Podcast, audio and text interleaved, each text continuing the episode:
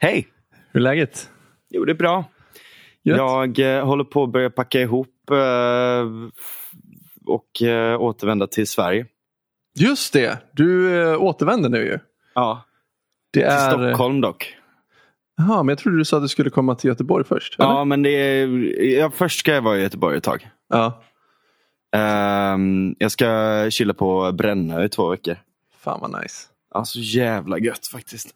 Ja, får, Eh, får jag hoppas Men sen måste jag... Ja, verkligen. Ehm, men även om det inte är det så tänker jag att det blir så här. Alltså det finns en viss charm i... Alltså jag hoppas ju såklart att det är sol. Men det finns lite den här charmen i att vet, sitta och spela Pokémon när det regnar på sommarstället. Pokémon. Nej men fattar du vad jag menar? Liksom? Ja. Alltså den här, det, det finns någonting liksom, romantiskt i... jag vet inte vad jag ska säga. ja, men jag fattar. Ja, alltså, du gillar att sitta ute där och eh, alltså, du, du, är fort, du är ledig även om det inte är fint väder. Ja, och jag och, håller myser. på. Ja, precis. Och så kan man läsa böcker och eh, Ivar som har varit här bor där ute nu. Så att, eh, då kommer vi kunna hänga. Och Just det. sådär. Så att, ja, nej, men jag ser fram emot det hur som. Det ska bli jävligt skönt att eh, bara... Alltså, jag, jag kände faktiskt, ärligt talat, det låter lite knäppt kanske för, för att komma från mig. Men jag tycker att det ska bli lite skönt att komma bort från storstan lite. Mm. Ja, jag gillar Berlin som fan, men det är så jävla... Det är en riktigt mässig stad. Och städer blir ju lite knäppa på sommaren och det har varit över 30 grader. Mm. Ganska mycket här nu. Och folk blir liksom, folk blir ju rätt knäppa av det alltså. Ja, Så jävla mycket pundare också. Alltså det är helt sjukt mycket pundare här. är det så? Ja. Men tycker du att det är en jobbig grej? Alltså grejen är typ, jag tycker inte... Alltså, det, det finns olika sorters pundare. Mm. Men Berlin tar nog fan priset för de konstigaste pundarna jag har varit med om i alla fall. Alltså det är inte typ San Francisco-nivå men ändå. Ja. Och det är typ så här, det blir, men- nej men det, det, det är liksom någonting, det blir lite så här, det är stökigt liksom. ja. Det. Eh, och eh, det är kul på sätt och vis. Men det är också lite så här, det ska bli rätt skönt typ att komma till civilisation igen. Alltså, ja, alltså. Men, men gillar du liksom eh, den här storstadspulsen? Liksom? Jag tänkte att du var en sån som verkligen gillade det. ja men jag gör ju det. Ja. För att ska- grejen är typ, alltså, för jag tänker det, alltså typ om man är i, i New York, om man går runt på Manhattan så är det verkligen Alltså det är sån jävla puls hela tiden. Det, det är lite grann som att du ehm, Alltså ja, det, det är totalt kaos hela tiden. Det är liksom, att gå runt där är som jag kan tänka mig att det är att ha ADHD. Liksom, för att det är så mycket intryck hela tiden och du blir liksom helt överbelastad mentalt. Och jag tänkte att eftersom du är lite dampigt lagd Ja. så tänkte jag att du kanske skulle känna dig mer hemma i att få mycket intryck. Men det kanske är tvärtom. Jo men det gör jag, men jag tror att det blir så här, man blir liksom lite eh, trött efter ett tag. Mhm. Eller, eller liksom lite så här, det, det, var en ganska så här rimligt med fyra månader här, Mhm. känner jag. Och sen så kan man komma tillbaka kanske, men, men det, det, det är en ganska mässig stad att vara i. Liksom. Mm. Vi bor ju liksom mitt i hjärtat av, vi bor ju i Kreuzberg. Liksom, Ja, att- just det. Så det kan vara det som är grejen. Du kommer aldrig bort ifrån det här uh, centrumhetsen. Liksom. Precis. Just det. Och det är liksom, stan vaknar ganska tydligt klockan sju på morgonen. Och det är liksom sirener och allt Mm. möjligt sånt hela tiden. och sånt där. Så, att, nej men, så det ska bli ganska skönt med kontrasten då att komma ut till liksom en liten mysö ett tag. Just det. Och sen ska du till eh, Stockholm då. Tillbaks Mm. till eh, myllret så att säga. Men inte på... Kneget. Ja, nej men det är mycket mer uppstyrt i Stockholm. Alltså, det är det ju liksom. Ja, det är inte lika på, hetsigt. på, gott, på gott och ont. Alltså, Ja. jag kommer nog, jag kommer nog eh, någon månad senare eh, längta tillbaka antagligen. Mm, För att det är för lugnt, för strukturerat. just det. Ehm, men, Men- ehm, nej, men det är alltid det, man, gräset är alltid grönare och så vidare. Ja. Nej, men, men, men det ska bli skönt. Jag, jag har ändå liksom jobbat förhållandevis intensivt. Eller inte intensivt men ganska mycket. Liksom. Jag har lagt väldigt stor del av min tid på dagarna att läsa. Mm. Och sånt. Eh, i, eller ja, jobba liksom. Mm. Jag jobbar ju mest med att läsa grejer. Mm. Um, så att det ska bli skönt också att bara kunna slappna av lite och inte, inte göra det. Ja. jag. Nej, men jag fattar det. Man behöver lite omväxling och kontraster i, i livet. Man kan inte bara ha det på ett sätt. Mm. Ehm, men ehm, ja, så det makes ju sense att flytta hem lite grann. Ehm, men Har du fått någon semester? jag har faktiskt lite semester nu, vilket Mm. eh, känns väldigt nice. Eh, vi ska ju DJa på Way Out West, ehm, så vi håller på att förbereda lite inför det. Just Det- jag håller på att försöka kirra några ga- gratis plåt, någon gratis plåt till det, men jag vet fan om det kommer gå. Ja. ja, det hade varit kul om du kikade förbi. Ehm, men ja, nej jag ska ha Mm. Jag lite... tycker inte att det, det är så jävla dyrt att betala annars. Ja, nej, jag har jag har faktiskt aldrig gått på Out West, men jag är ju ingen festivalperson heller. Jag tycker ju om att eh, gå på festival när jag själv spelar för att då får jag bestämma. Mm. Ja, Det är lite den precis. grejen. Eh, nej men annars så, så ska vi väl mest ta det lugnt och försöka göra klart lite musik och lite så. Mm. Eh, och vi ska ju podda lite grann. Det är ju för fan valår i år. Det känns, det känns verkligen inte så. Det är Nej. helt sjukt. Men det är väl för att både du och jag kanske inte följer så mycket just nu.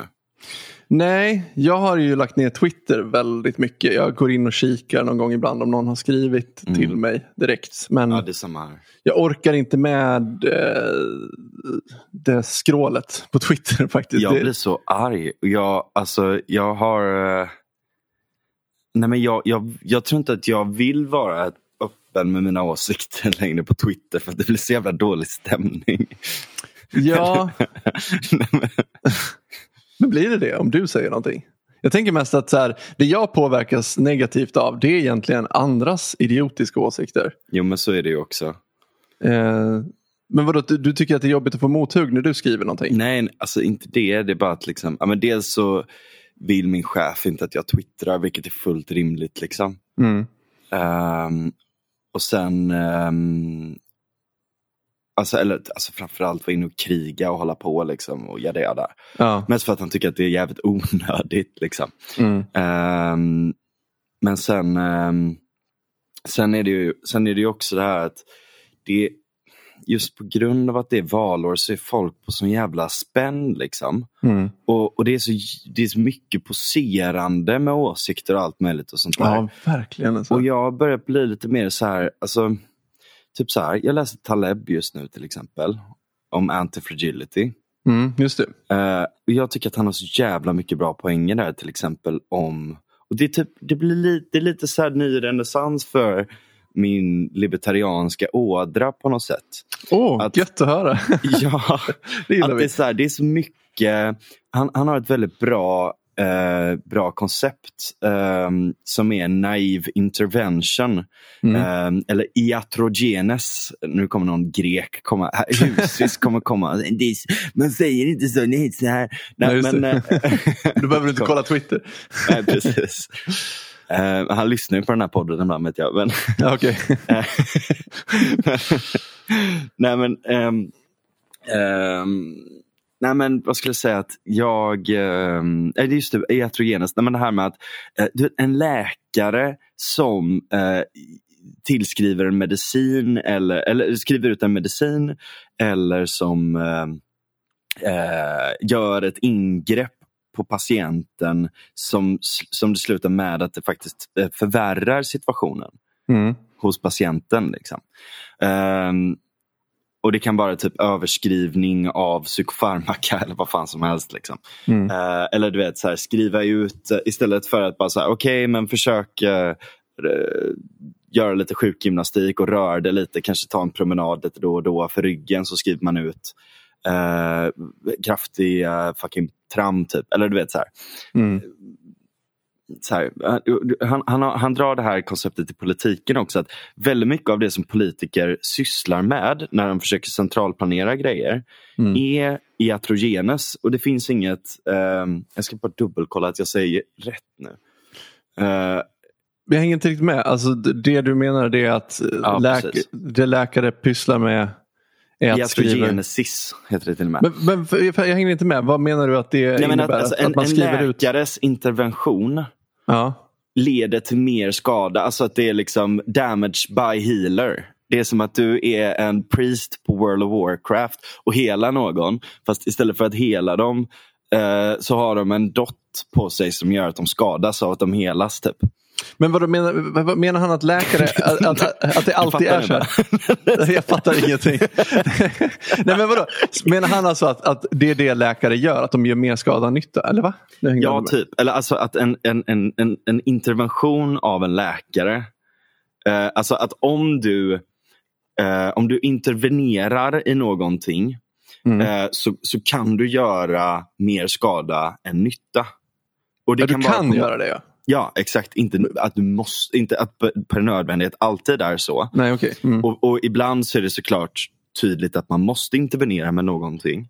Mhm. Eh, men i vissa fall så kan läkemedlet vara skadligare än att bara vänta ut det och göra typ random vanliga grejer. Typ. Mm. Ehm, och låta things run its course. Liksom.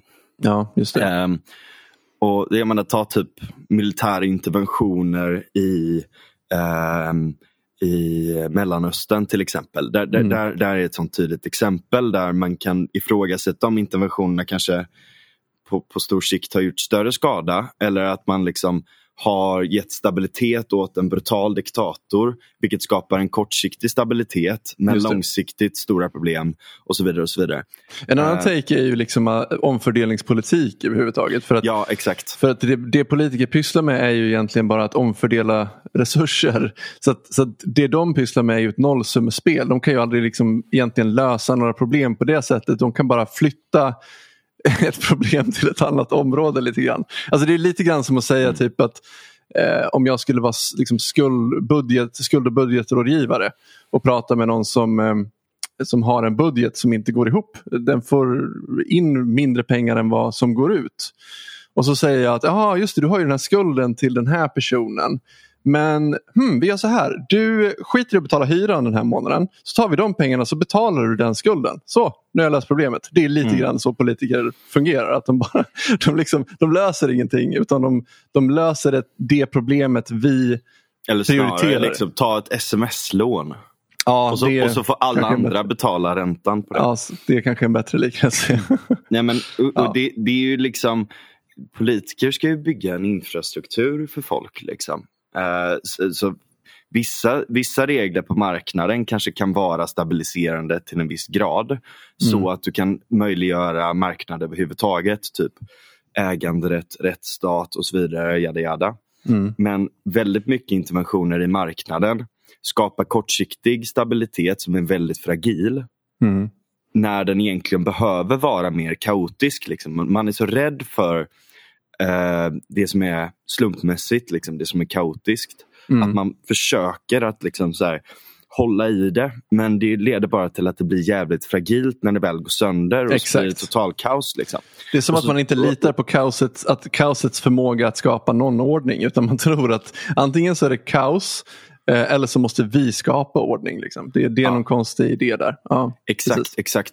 Och att det inte finns, liksom, att det inte uppstår liksom, strukturer Mm. som eh, fungerar under en viss period. Sen kanske omständigheterna skiftar sig och då skiftar sig strukturerna men de anpassar sig efter omständigheterna och så vidare så att du har den här dynamiska effekten. Just det. Ehm, och jag mer och mer känner liksom att när jag kollar på de olika partierna och när jag tänker över allting att det är så jävla mycket bullshit hela tiden och de, de tar sig själva på alldeles för stort allvar ibland och Mm. alldeles för, för, för lite allvar i, i liksom ibland också liksom att det är så här men typ eh, ja, men ta hela den här grejen med att vi, vi liksom ska ha rolling blackouts liksom.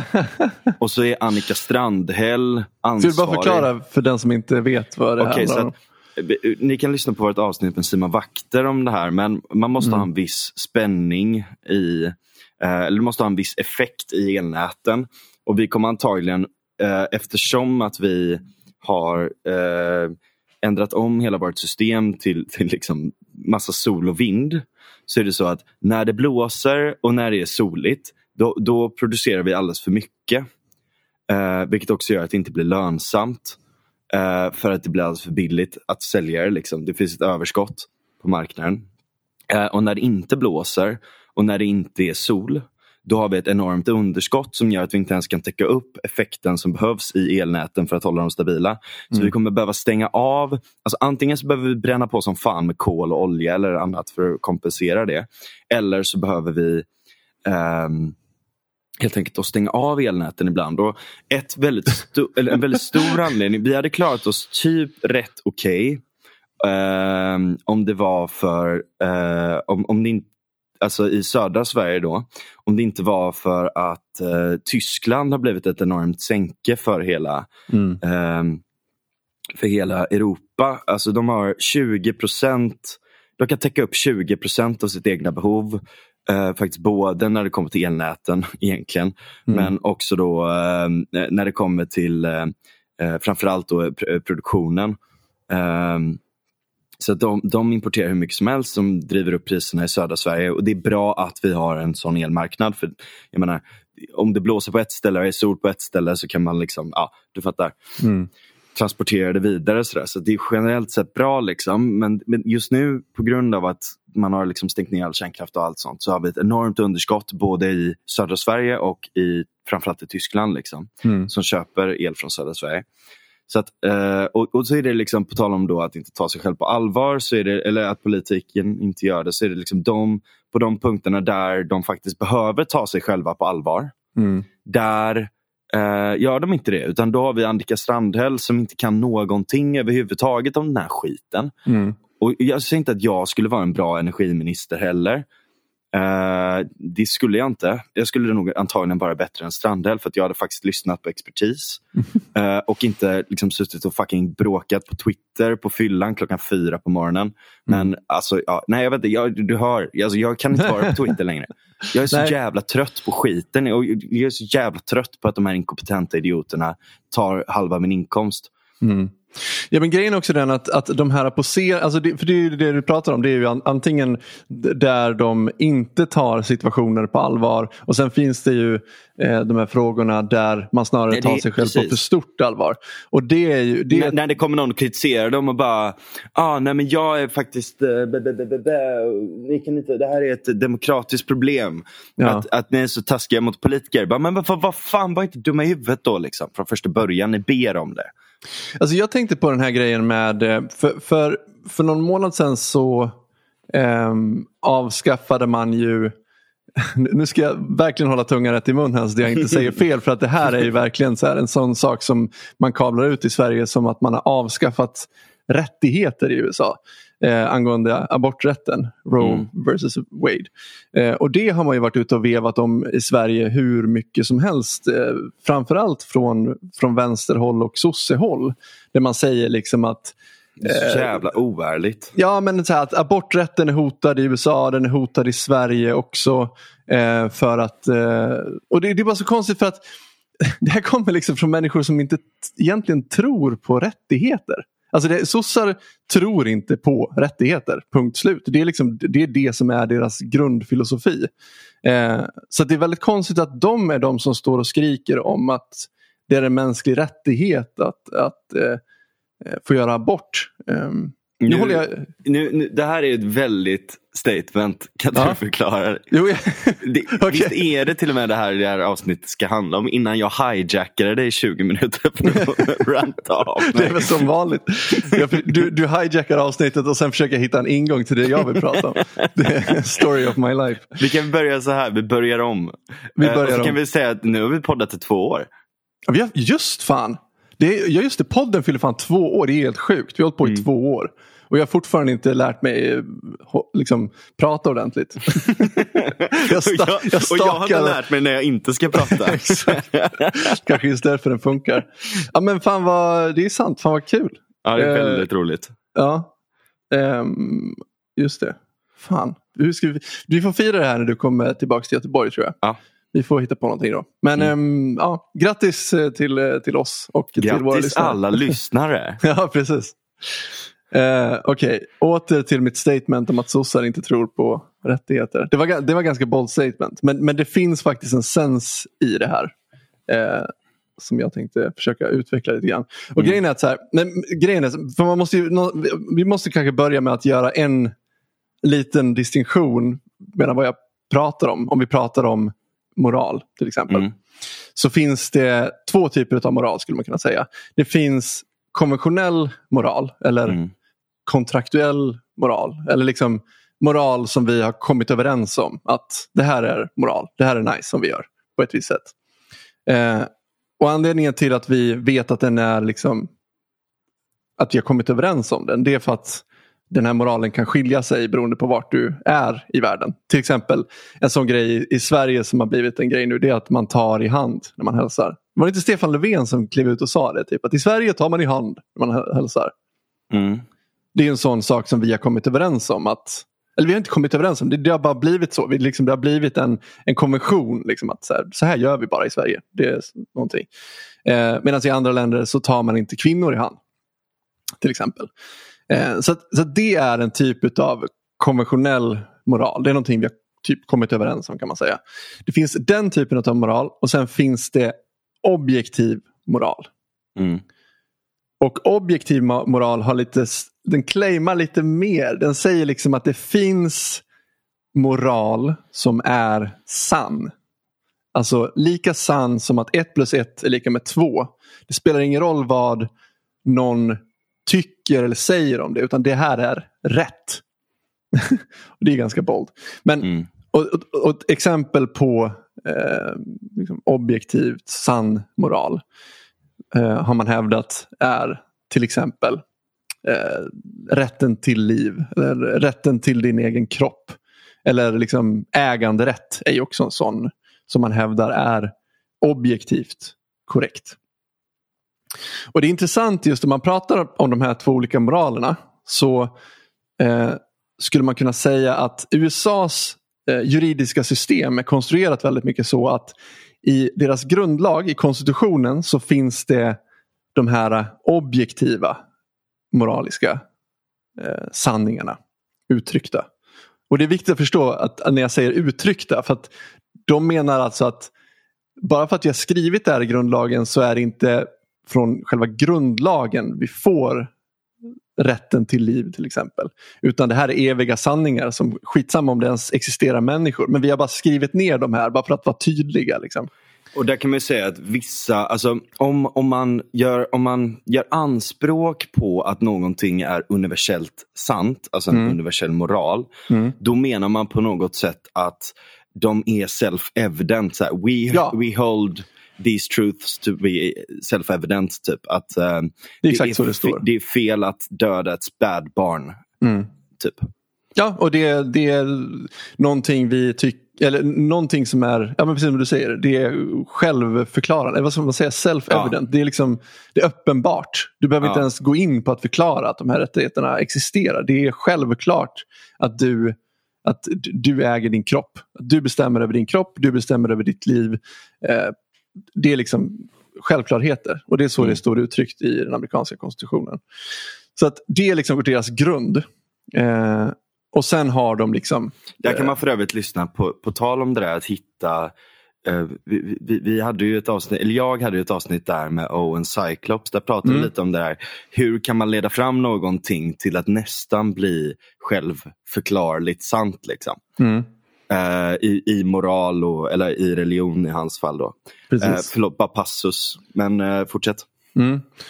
Precis. Och man skulle kunna säga det att deras juridiska system är liksom byggt på det här sättet att i grunden så finns det de här objektiva sanningarna om moral och eh, sen finns det de här konventionella eh, den här konventionella moralen och det handlar väl mer om, eh, eller där finns mer den lagstiftande makten och liksom politiken och allting sånt där. Där kan vi stifta lagar om, om saker och ting och det vet vi att det har vi kommit överens om att sådana här saker, det här ska gälla i det här samhället till exempel.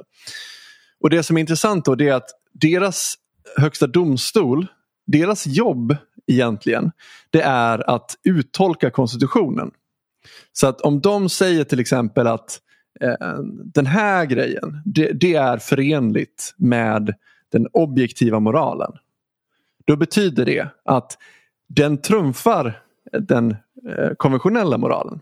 Så att politiker får liksom inte stifta lagar kring det här för att det här är objektivt sant.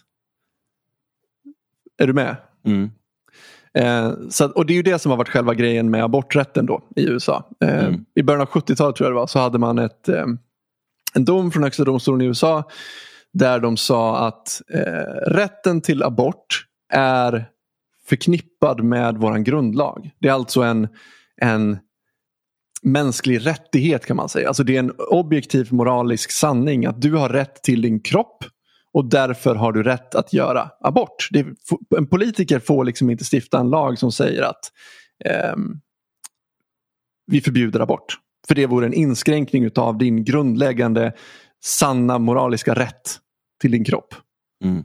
Så det är så man har gjort. Eh, Och det som har hänt nu egentligen i USA det är att man har Högsta domstolen har undanröjt den domen mer eller mindre. Så att man har ju liksom inte sagt att så här, eh, Eh, det är förenligt med eh, mänskliga rättigheter att, eh, att förbjuda abort. Det är inte så de har sagt. De har sagt att vi kan inte säga att det är förenligt med mänskliga rättigheter att man inte får förbjuda abort. Så att det är två lite olika saker.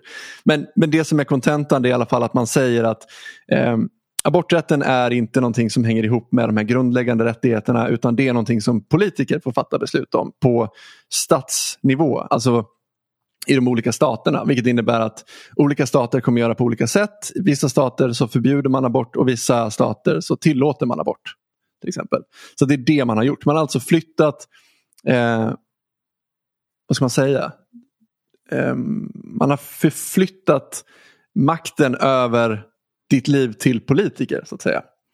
Eh, Okej, men i, i det här fallet så kan man ju säga att det som Högsta domstolen beslutar om är ju egentligen att det inte ska vara upp till dem att besluta om någonting. Eller hur? Ja, inte, inte upp till någon egentligen att besluta om. Eh, över någon annan. Utan det, är- det är upp till var och en vad man vill göra med sin kropp. Fast, fast, nej, men, fast det, är inte det, nej, alltså det är ju inte det som Supreme Court säger med den här grejen. Alltså, hade de Jaha, nej, med den här grejen. Ja, men precis. Precis, för, att, för det som de säger då det är att så här, okay, det här är inte någonting som Supreme Court ska bestämma. Mm. Vilket, är, vilket också blir lite dumt då, för det är många som säger ah, varför ska liksom x antal vita män bestämma en sån här sak över andra. liksom. Mm. Men ehm, det, då, egentligen så argumenterar de ju på helt fel sätt. Utan de borde ju säga att de här vita männen, eller liksom, om man nu ska använda den retoriken, eh, borde bestämma att det är så här för alla för att det är universellt sant att det borde vara så. Mm. Jag tycker det till exempel. Du tycker ju också det. Att, att det här, alltså rätten till abort borde vara ehm, någonting rätt universellt. Ja, och, men, men grejen var att när, jag, jag tyckte att, för jag har inte tänkt så mycket på aborträtten så mycket som jag, som jag gjort den senaste tiden sen, sen den här domen var. Och jag brottats lite med det här för att jag är ju också intresserad av eh, liksom, jag skulle ju hävda att det finns objektiva moraliska sanningar. Ehm, och då har jag försökt brottas med det här vart jag står i abortfrågan just eftersom för grejen är ju så här, de som är mot abort eh, man får ju ofta höra att de bara vill kontrollera kvinnors kroppar och bla bla bla. Och det är ju inte riktigt sant. Utan det de är intresserade av det är ju att, att skydda liv. Alltså det här fostrets liv. Så att det finns ju två stycken mänskliga rättighetsargument som egentligen står mot varandra här. Det ena, den ena sidan hävdar att kvinnan ska ha rätt till sin kropp. Det är, ingen annan får inskränka rätten till kvinnans kropp. Liksom. Det, det, där går en gräns. Liksom. Du får inte Mm. besluta om det politiskt. Medan de andra säger att du får inte döda någon. Liksom. Du får inte döda ett foster. Det spelar ingen roll om fostret är innanför din kropp eller utanför din kropp. Det är fortfarande ett, ett levande foster. Eh, Mm. så att, och det här är ju svårt. Om, om man ska ta, om man ska stilmäna de här två argumenten och försöka komma fram till vad som är eh, rätt så att säga. Om man är en sån som jag som tror på vad som är, att det finns något som är moraliskt korrekt i varje givet fall. Mm. Så, så får man problem. Liksom, för att båda claimar ju någon sorts, någon sorts objektiv sanning. Mm. Eh, så att, hur fan ska man lösa den eh, liksom, nöten? Och det jag tänker det är att så här, om man kollar på det så båda sidor kan ju enas om att, eh, att inskränka aborträtten är en inskränkning utav kvinnans rätt till den egna kroppen. Mm. Det är nog alla överens om att, att det är det. Eh, Medan den ena sidan hävdar att det är okej att göra det på grund av att man har ett viktigare syfte. Men glöm det för en sekund. Vi är överens om att det är en inskränkning utav människans rätt till sin egen kropp. Det förstår alla, det håller alla med om. Det är inte det som är själva problemet. Okej, om vi kan lägga det åt sidan att vi är överens om det. Då ska vi titta på den andra sidan av det. Kan vi komma överens om att ett, liksom, ett foster är ett liv? Eller när börjar livet? Hmm. Här har vi lite att liksom, bena ut. Liksom. När börjar livet? Okej, då, då finns det de som är abortmotståndare som är så extrema så att de hävdar att livet börjar vid befruktning. Liksom. Eh, och sen finns det de som är för aborträtt och som menar att ah, jag tror nog inte att livet börjar riktigt där utan livet börjar nog, ja, vad är det de brukar säga? Det är typ när man när de börjar röra sig eller ett hjärta kan slå eller något sånt där. Mm. Är det där någonstans abortgränsen eh, gränsen går så att säga? För när det är okej med abort enligt människor som är för abort. Ehm, det vet jag inte. Alltså, Ja. jag, tror att, jag tror att gränsen går ehm, Gränsen går väl Alltså det börjar väl typ också, för det, där det, det handlar ju också om, det är ju lite teknikrace mot moral där. Ja, Att exakt. ehm, Vi börjar ju sakta men säkert knappa in på när fostret kan överleva Mm. utanför ehm, magen så att säga.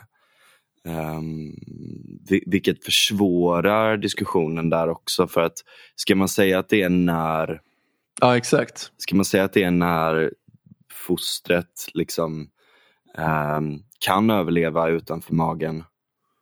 Eller när den lever så att säga. Eller ja, eh, precis. Alltså, när det är eller, alltså, när, när den kan överleva ett tag och i en kuvös eller, eller något sånt där. Liksom. mm. Ehm, så att ehm, det, jag vet inte riktigt exakt hur det ser ut i dagens läge men jag tror att det är, det är väl typ när hjärtat börjar slå eller när du börjar ha viss hjärnaktivitet och sånt där i dagens läge. Mm. Och där skulle jag säga att där går det en gräns för det vi är överens igen på något vis. Mm. Alltså, vi är alla överens om att, att barn som har fötts kan vi inte abortera. Det är ingen som tycker det. Det är ingen Mm. som claimar det överhuvudtaget.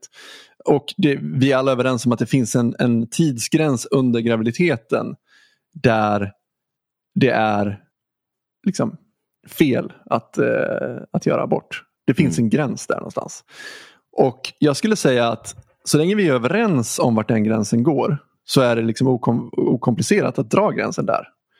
Eh, däremot om du hävdar att livet börjar vid befruktningen då har du ju en ganska rejäl bevisbörda som vilar på dig. Att bevisa då att livet börjar faktiskt vid befruktning. Och Mm. så länge du inte kan bevisa det, nej men då måste vi utgå ifrån att livet börjar när vi typ är överens om det. Mm. Förstår du vad jag menar? För annars, Mm. så, så, annars så blir det ju liksom bara att du påtvingar andra människor din åsikt med, med våld. Istället. Och då, då diskuterar vi liksom inte, inte längre vad som är rätt att göra. Utan då är det bara att det är rätt bara för att jag säger att det är rätt. Och det är liksom inte riktigt samma diskussion. Så jag tycker nog att så här, fram tills vi kan bevisa att, att livet börjar vid befruktning så, så är aborträtten eh, absolut en, en, en rättighet. Eftersom vi är överens om att det är ett ingrepp. Att något annat skulle vara ett ingrepp i, i kvinnans liksom, kroppsliga autonomi. Mm. Så, att, så att rent där så tycker jag att eller jag tycker inte, det är, alltså aborträtten är korrekt. Och det, är, det är det här som är det intressanta då. För att den här typen av diskussioner, vad som är rätt, vad som är moraliskt rätt, det har vi lite grann tagit bort i Sverige. Alltså vi pratar inte om det på det sättet. Vi tror inte riktigt på moraliska sanningar i Sverige överhuvudtaget. Och det är ganska intressant. Var, var kommer det ifrån? Mm. och då är det så här att vi för ungefär hundra år sedan kan man säga så hade vi en liten revolution i Sverige. Vi hade aldrig den här revolutionen som var i, i Ryssland utan vi hade en revolution på andra sätt när sossarna kom till makten. För att de ändrade i väldigt många saker. Det var inte bara att de kom till makten och ville liksom implementera deras idéer på samhället som politiker alltid vill. Utan de gjorde liksom en hel rokad med hela samhället. Mm. Vårt sätt att tänka överhuvudtaget. Eh, och när det kom till juridik så Eh, kom förändringen väldigt mycket ifrån eh, Uppsala, eh, så kallade Uppsala skolan. Och det började med en fil filosof där som heter Axel Hägerström. Som han var värdenihilist. Alltså han erkände inte att det fanns någonting som... Ja, men han, han erkände liksom inte att det fanns eh, moraliska sanningar överhuvudtaget. Någon objektiv moral inte tyckte att han var mumbo jumbo. Det var bara trams. Och han hade ett ganska liksom så här övertygande argument för sitt case. Tänkte jag skulle gå igenom den här. Och nu kommer jag läsa lite till för jag måste liksom lite grann eh, strukturera upp det här argumentet lite så att jag inte missar någonting för då kommer det inte make no sense överhuvudtaget för folk. Eh, men så här, kort och gott, hans argument är ungefär så här. Att först och främst så måste vi börja med att göra en distinktion mellan två olika saker. Eh, och Som vi kan kalla satser och påståenden. Och En sats är en viss sammansättning ord som står i relation till ett påstående. Så liksom, satser kan vara en massa olika. Till exempel så kan de variera mellan olika språk. Men, men påståendet de relaterar till är fortfarande detsamma. Till exempel jag kan säga eh, the door is brown och jag kan säga dörren är brun. Det här är exempel på olika satser men, men de kommer fortfarande med samma påstående. Är du med? Mm. Och De har samma referent. Ja, exakt så kan man säga. Eh, så så att liksom, vad ska man säga, satser är liksom språkliga fenomen medan påståenden uttrycker Alltså de är inte språkliga fenomen på det sättet utan påståenden är snarare anspråk på hur världen är beskaffad på för vis. Eh, mm. Dörren är brun. Det är ett anspråk på liksom, den här dörren. Vad, vad, den, är, vad den har för färg. Eh, och sen liksom, inom kategorin satser så finns det flera underkategorier. Eh, alltså typ, typer av satser. Eh, och då finns det till exempel imperativa satser som uttrycker befallningar. Som till exempel stäng dörren. Och det finns även indikativa satser. Eller indikativa satser kanske man säger. Eh, och det är satser som försöker uttrycka en viss typ av information.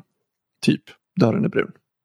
Alltså, det är alltså indikativa satser som ger uttryck för påståenden medan det finns andra eh, satser som ger uttryck för andra saker. Till exempel om jag säger blä så är det, så det är liksom ett, en sats som ger uttryck för en känsla hos mig snarare än ett, en claim på verkligheten. Um, och Okej, okay, om vi pratar om påståenden då. Så som, som sagt så är det ju påståenden anspråk på hur världen är beskaffad. Så påståenden kan endast vara en av två saker. Antingen kan påståenden vara sanna eller så är de falska.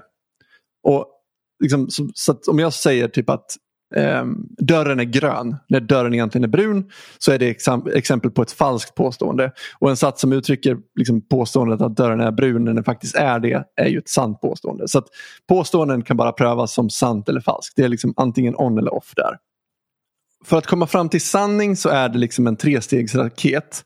Eh, du, måste, du måste formulera en sats som påstår någonting om verkligheten och, och verkligheten måste man också ta in i beräkningarna för att, för att pröva om det du, det du påstår är sant är sant.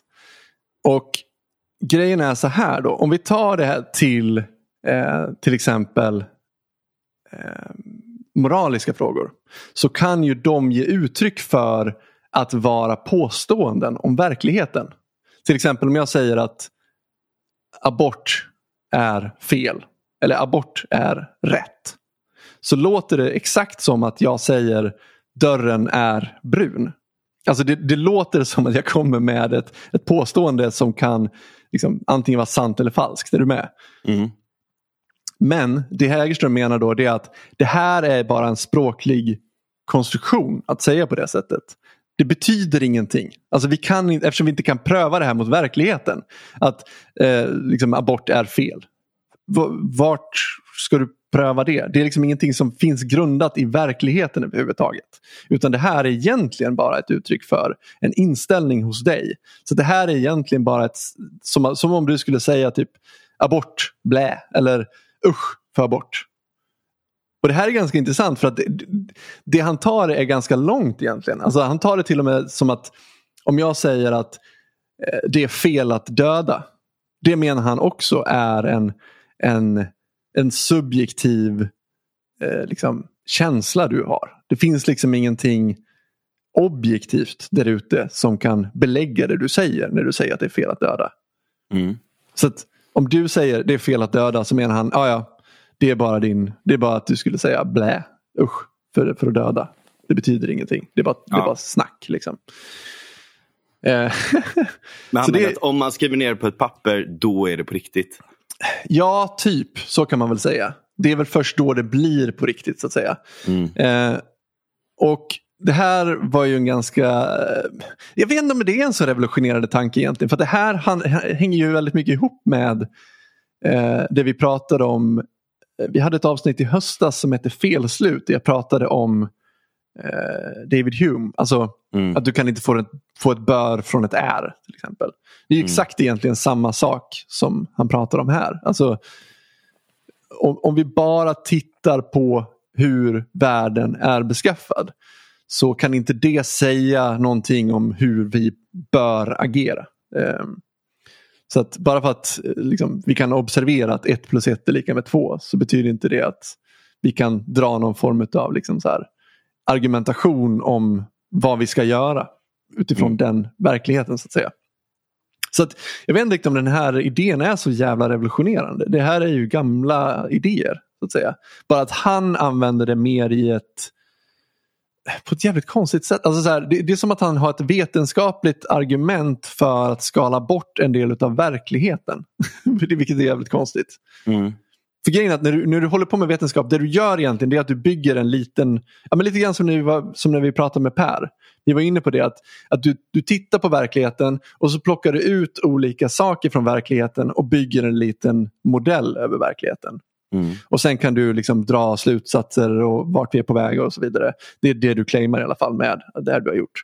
Men jag tycker att det är intressant att Hägerström gör liksom på något vis tvärtom. Han plockar ut liksom aspekter från verkligheten och säger det här kan vi säga är sant och det här kan vi säga är falskt. Det ska jag ha i min lilla modell här. Mm. Allting som inte är i min lilla modell här, det existerar typ inte. Ja. Är, är inte det jävligt konstig grej? Det är jävligt konstigt. Ja, eller så här, han säger egentligen inte så. Nu, nu strawman är lite grann. Han säger inte att han säger egentligen inte att moral inte existerar objektivt. Det han säger det är att vi kan inte veta i sådana fall vad det är. För att vi kan inte belägga den. Förstår du? Så det är liksom mm. själva han, han, han claimar egentligen att, att eller det han säger, hans argument det är egentligen att okej, okay, om du menar att det finns någonting som är objektiv moral, någon sorts naturrätt, naturliga rättigheter mm. där ute. Då får du fan med bevisa det i sådana fall. Då. Mm. Då, får du, då får du komma med beviset och så länge du inte kan göra det då kan vi inte utgå ifrån att det är så. Liksom. Det, det är i grund och botten hans, hans argument. Mm. Och det, det, är ganska, det är ett ganska tungt argument egentligen. Jag tycker att det är ett ganska bra argument.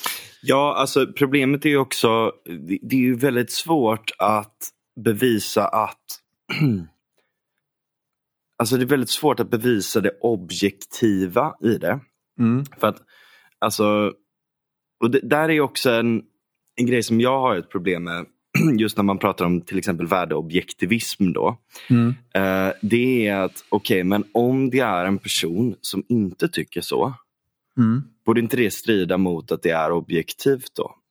Eh, och då måste man ha något annat sätt att så att säga motbevisa det och det kan man ju göra ad hominem i så fall. Mm. Den här personen är eh, en psykopat eller den här Mm. personen är dum i huvudet eller eh, det spelar ingen roll vad den här personen tycker eh, och så vidare. och så vidare. Däremot kan man ju intersubjektivt, alltså du kan ju ha en så att säga det blir inte objektivt kanske, men, men du kan ju ha, om du har en tillräckligt stark intersubjektivitet i en grupp så är det en lokal sanning att det är objektivt inom det subsetet av människor.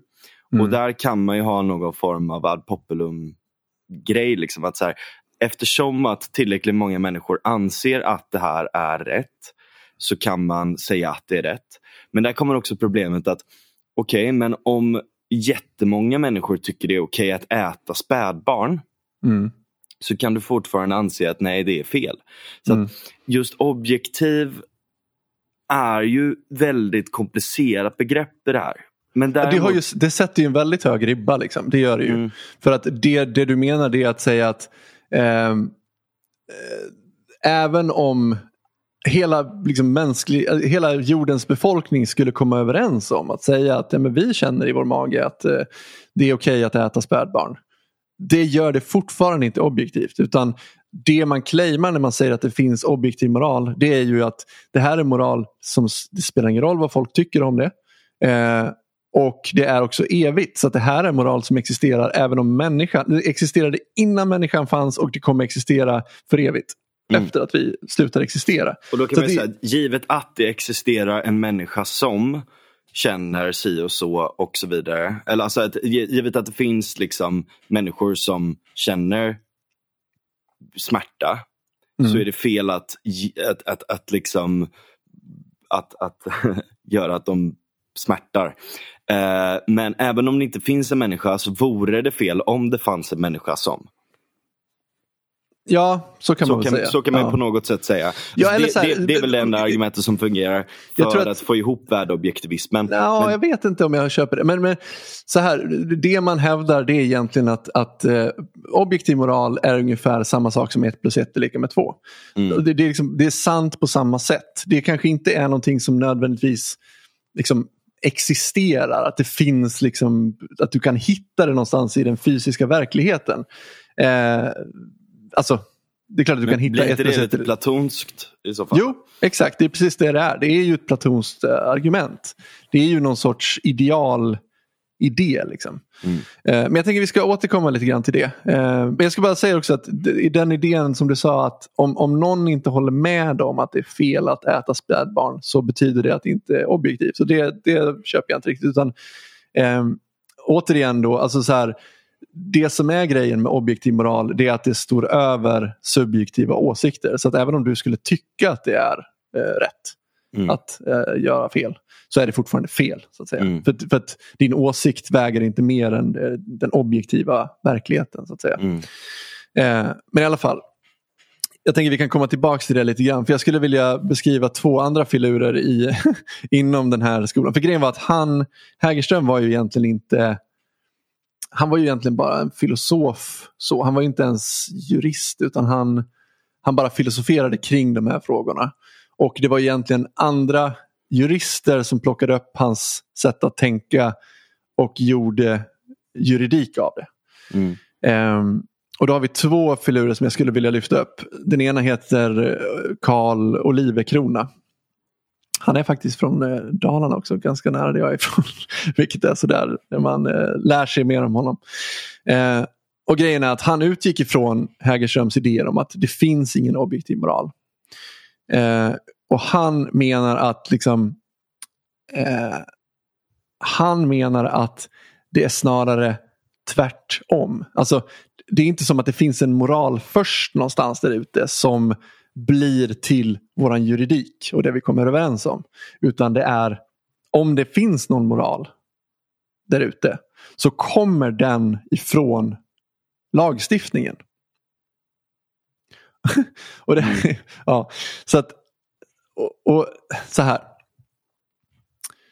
Anledningen till att moralen kommer ifrån lagen det är för att eh, liksom, lagen formar moralen eftersom det formar psyket på de som lever i ett samhälle där lagen existerar. Alltså, mm. om, då, om, här, om, om, du sitter och funderar på att stjäla något så är liksom den psykologiska aspekten av lagens existens i dig eh, att den säger där att det här är fel. Alltså Eftersom du vet först och främst att någonting är olagligt så får det konsekvensen i dig att du internaliserar detta som ett, liksom, som ett moraliskt koncept. Ja. Eh, vi upplever det som fel att stjäla eh, eller tycker att det är fel att stjäla av moraliska skäl. Men det i sig kommer ifrån från själva Just det. lagstiftningen. För att det har ratificerats för att det är liksom på riktigt. Precis. Ja. Och, det, och, det, ja, och det, det finns ju förmodligen någonting i det. Men det jag tycker är så jävla creepy med den här gubben det är att han är... Alltså han pratar om människor nästan som att vi skulle vara djur. I den bemärkelsen att vi kan forma, alltså våra åsikter kan formas utifrån att vi får belöning eller straff. Alltså Typ som att man, så här, lagen är ett så här elchockshalsband för, eh, för människor. Och om vi liksom gör fel tillräckligt många gånger så lär vi oss att det här är fel. Liksom. Mm. och Det som är läskigt också det är att det här lägger ju makten över samhället liksom, i mm. lagstiftarens händer. Så att lagstiftaren blir som en sorts samhällets programmerare nästan. Att eh, Om vi säger att det ska vara olagligt att röka cannabis. Då kommer folk inte göra det för att de kommer internalisera en känsla av att det här är fel. Moraliskt. För att det står mm. i lagen. Just det. Och det är inte som att vi tänker, alltså han menar så här, det är inte som att vi tänker så här, fan det här är olagligt så därför är det moraliskt fel. Utan vi får en känsla av att det, blir moraliskt, att det är moraliskt fel bara för att det finns i lagen. Och det är inte det att vi behöver veta nödvändigtvis att det finns i lagen utan det blir ett socialt fenomen. att Eftersom det finns i lagen så kommer människor anpassa sig efter det och då blir det ett socialt tryck vilket kommer göra att vi känner att det är lite moraliskt fel att, att röka cannabis. till mm. exempel. Men det är många som resonerar så. Ja, och det är det som jag tycker är så jävla intressant. För jag fattar inte den här grejen överhuvudtaget. Mm. Jag kommer ihåg att när jag var yngre så, jag har säkert sagt det här i podden tidigare, men det var en sån grej som jag bara säger what the fuck är det här? Det här var jättekonstigt. Eh, det var någon, i någon tidning eller någonting jag läste när jag var yngre. Att så här, då var det någon fråga där någon alternativsfråga eller någonting sånt där. Typ så här, varför skulle inte du röka cannabis? Mm. Eh, och då fanns det massa sådär, ja det är inte bra för hälsan, det är inte bra för det här och det här. Och sen kom den här, det är omoraliskt. Och jag fattade ingenting. Och hur, kan, hur kan det vara liksom omoral, omoraliskt att röka cannabis? Jag vet att det är olagligt men varför skulle det vara... Alltså, det jag tänker som omoraliskt det är någonting där man, där man gör, när man tar sig rätten att skada någon annan till exempel. Att påverka någon annans liv. Eh, utan att det är rättfärdigat på något vis. Det är ju någonting som är omoraliskt. Att, att du tar in någonting i din egen kropp som i värsta fall bara du förlorar på. Hur kan det vara omoraliskt? Alltså moral är någonting liksom, relationellt tänker jag. Mm. Ja, på andra sidan, dygdetik är ju någonting eh, som, som är, alltså du, du kan ju vara omoralisk mot dig själv om du eh, bryter mot en av dina dygder. Som vad då till exempel? Ja, säg, säg att liksom, ja, men du har vissa dygder mm. och eh, antingen religiösa, typ kristna dygder. Eh, att det är fel att ehm, eh, till exempel om du är muslim är det fel att dricka alkohol. Mm. Um, inte lika fel överallt att uh, röka gräs dock. Mm. Um, och jag har även träffat muslimer som böjer ganska snyggt på det. men sen, sen har du då du kan ju ha personliga dygder i det också. Alltså det vill säga att jag eh, själv anser att det är en dygd att vara eh, nykter. Mm. Eh, eller liksom leva ett, eh, ett hälsosamt liv. Och därför så begår jag ett moraliskt fel mot mig själv i att göra si och så. Mm. Så det, det. det går ju på det sättet. Jag tror inte att den här personen resonerade så långt. Nej. Men eh, utan att det var liksom eh, snarare då kanske ja, men, att det är omoraliskt gentemot vad lagen säger. Ja, precis. För att moralen kommer Det egentligen från Det, lagen. precis, det är omoraliskt att bryta mot lagen. Ehm, och eh, om jag röker gräs så bryter jag mot lagen. Därför är det omoraliskt att röka gräs. Mm. Precis. Och sen finns det ju, den tredje gubben jag skulle prata om, det är en snubbe som heter Lundstedt. Mm. Man behöver inte komma ihåg exakt vad han heter i förnamn för det, jag kommer faktiskt inte ihåg det nu. Eh, Men i alla fall, han är ju sossen i, i hela historien. Liksom. Det är han som eh, tar de här idéerna och gör till sossarnas rättsfilosofi. Mm. Så det här är, det är liksom den rättsfilosofin som socialdemokratin bygger på. så att säga. Eh, och hans idé handlar ju väldigt mycket om att eftersom det är, det finns ingen objektiv moral. Eh, det är lagstiftaren som formar moralen i samhället. Eh, därför så ska vi använda lagstiftningen och juridiken i samhällsbygget. Alltså vi ska bygga upp ett välfärdssamhälle där liksom, juridiken, det, det skitsamma, det, det handlar inte om rättvisa eller rätt och fel eller någonting sånt utan det det handlar om det är att bygga ett samhälle som är bra för alla. Mm. Eh, och det här är ju väldigt intressant då för att det här reducerar ju ner liksom, rättvisan till på något sätt liksom, olika intressen. Så samhällsintresset och sånt pratar man gärna om inom Mm. svensk juridik. Eller ja, men olika intressen pratar man gärna om. Man pratar Ja. liksom inte om vad som är rättvist utan man pratar om att oh, liksom, människor har olika intressen. Eh, och, och Det är bara så jävla creepy för att det du öppnar upp för om du liksom avskaffar moral på det här sättet det är ju den starkes rätt egentligen. Eller den starka gruppens rätt. Alltså de som är i flest har rätt över de som är minoritet. Major- majoritetens diktatur. Ja, exakt. Och det här, Framförallt när du inte har en konstitution. men precis. Och det var ju det här som var grejen. Det, det här, nu pratar vi ju som sagt om 20-30-tal i Sverige. Det här var ju alltså innan förintelsen. Sen kom ju förintelsen och då kom det ju en helt annan diskussion på agendan. Liksom att, Mm. får, man bara, får majoriteten bara liksom bunta ihop och slå ihjäl minoriteter? Liksom? Eh, Jag menar, Precis. det finns ju inget rätt eh, där ute som säger vad som är rätt Nej, det och är ju fel. lagen som säger vad som är rätt och fel. Ja precis, så står det i lagen att majoriteten får göra det då är det ju, vem fan ska komma och säga, vad, med vilka argument ska du säga något annat liksom? Mm. Vilket gjorde att den här förra snubben, Olivecrona var ju en stark, eh, eh, alltså han argumenterar ju väldigt mycket för Nazityskland. Han tyckte ju att liksom, ja, men han var väl borderline nazist liksom. Och det kanske är lite så här, jag, jag säger inte det för att för att jag eh, vill För att du är Aron Flam. Nej men precis, jag, jag vill inte smutskasta liksom, på det sättet. Jag drar inte nazikortet för att eh, vi ska säga bu Olivecrona utan jag säger det för att det är sådana här konsekvenser den här typen av tänk får. Om du avskaffar liksom, naturrätt och någon sorts idé om vad som är rätt och fel i grund och botten så kan det få extremt farliga konsekvenser för Mm. framförallt minoriteter. Precis, precis. Ja, men och där, kan man ju ha, där kan man ha en lite talibiansk analys.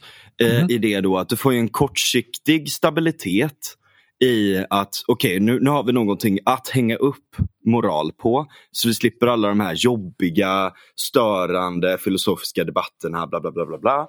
Eh, och så har vi ett eh, system som är enkelt och rätt. Att det som vi bestämmer, det bestämmer vi och det är moraliskt. Jada, jada, liksom. Mm. Men det är extremt fragilt system Ja, i det att, att, att liksom, det kan ju tas över av allt möjligt och du har Mm. inte den här dynamiken i att folk har olika moraliska grejer som får stå mot varandra. Liksom. Alltså Taleb går ju så långt att, att liksom, han, han skämtar lite kanske. Han gör ju det ganska mycket. Liksom, eller han typ shitpostar. Liksom. Mm.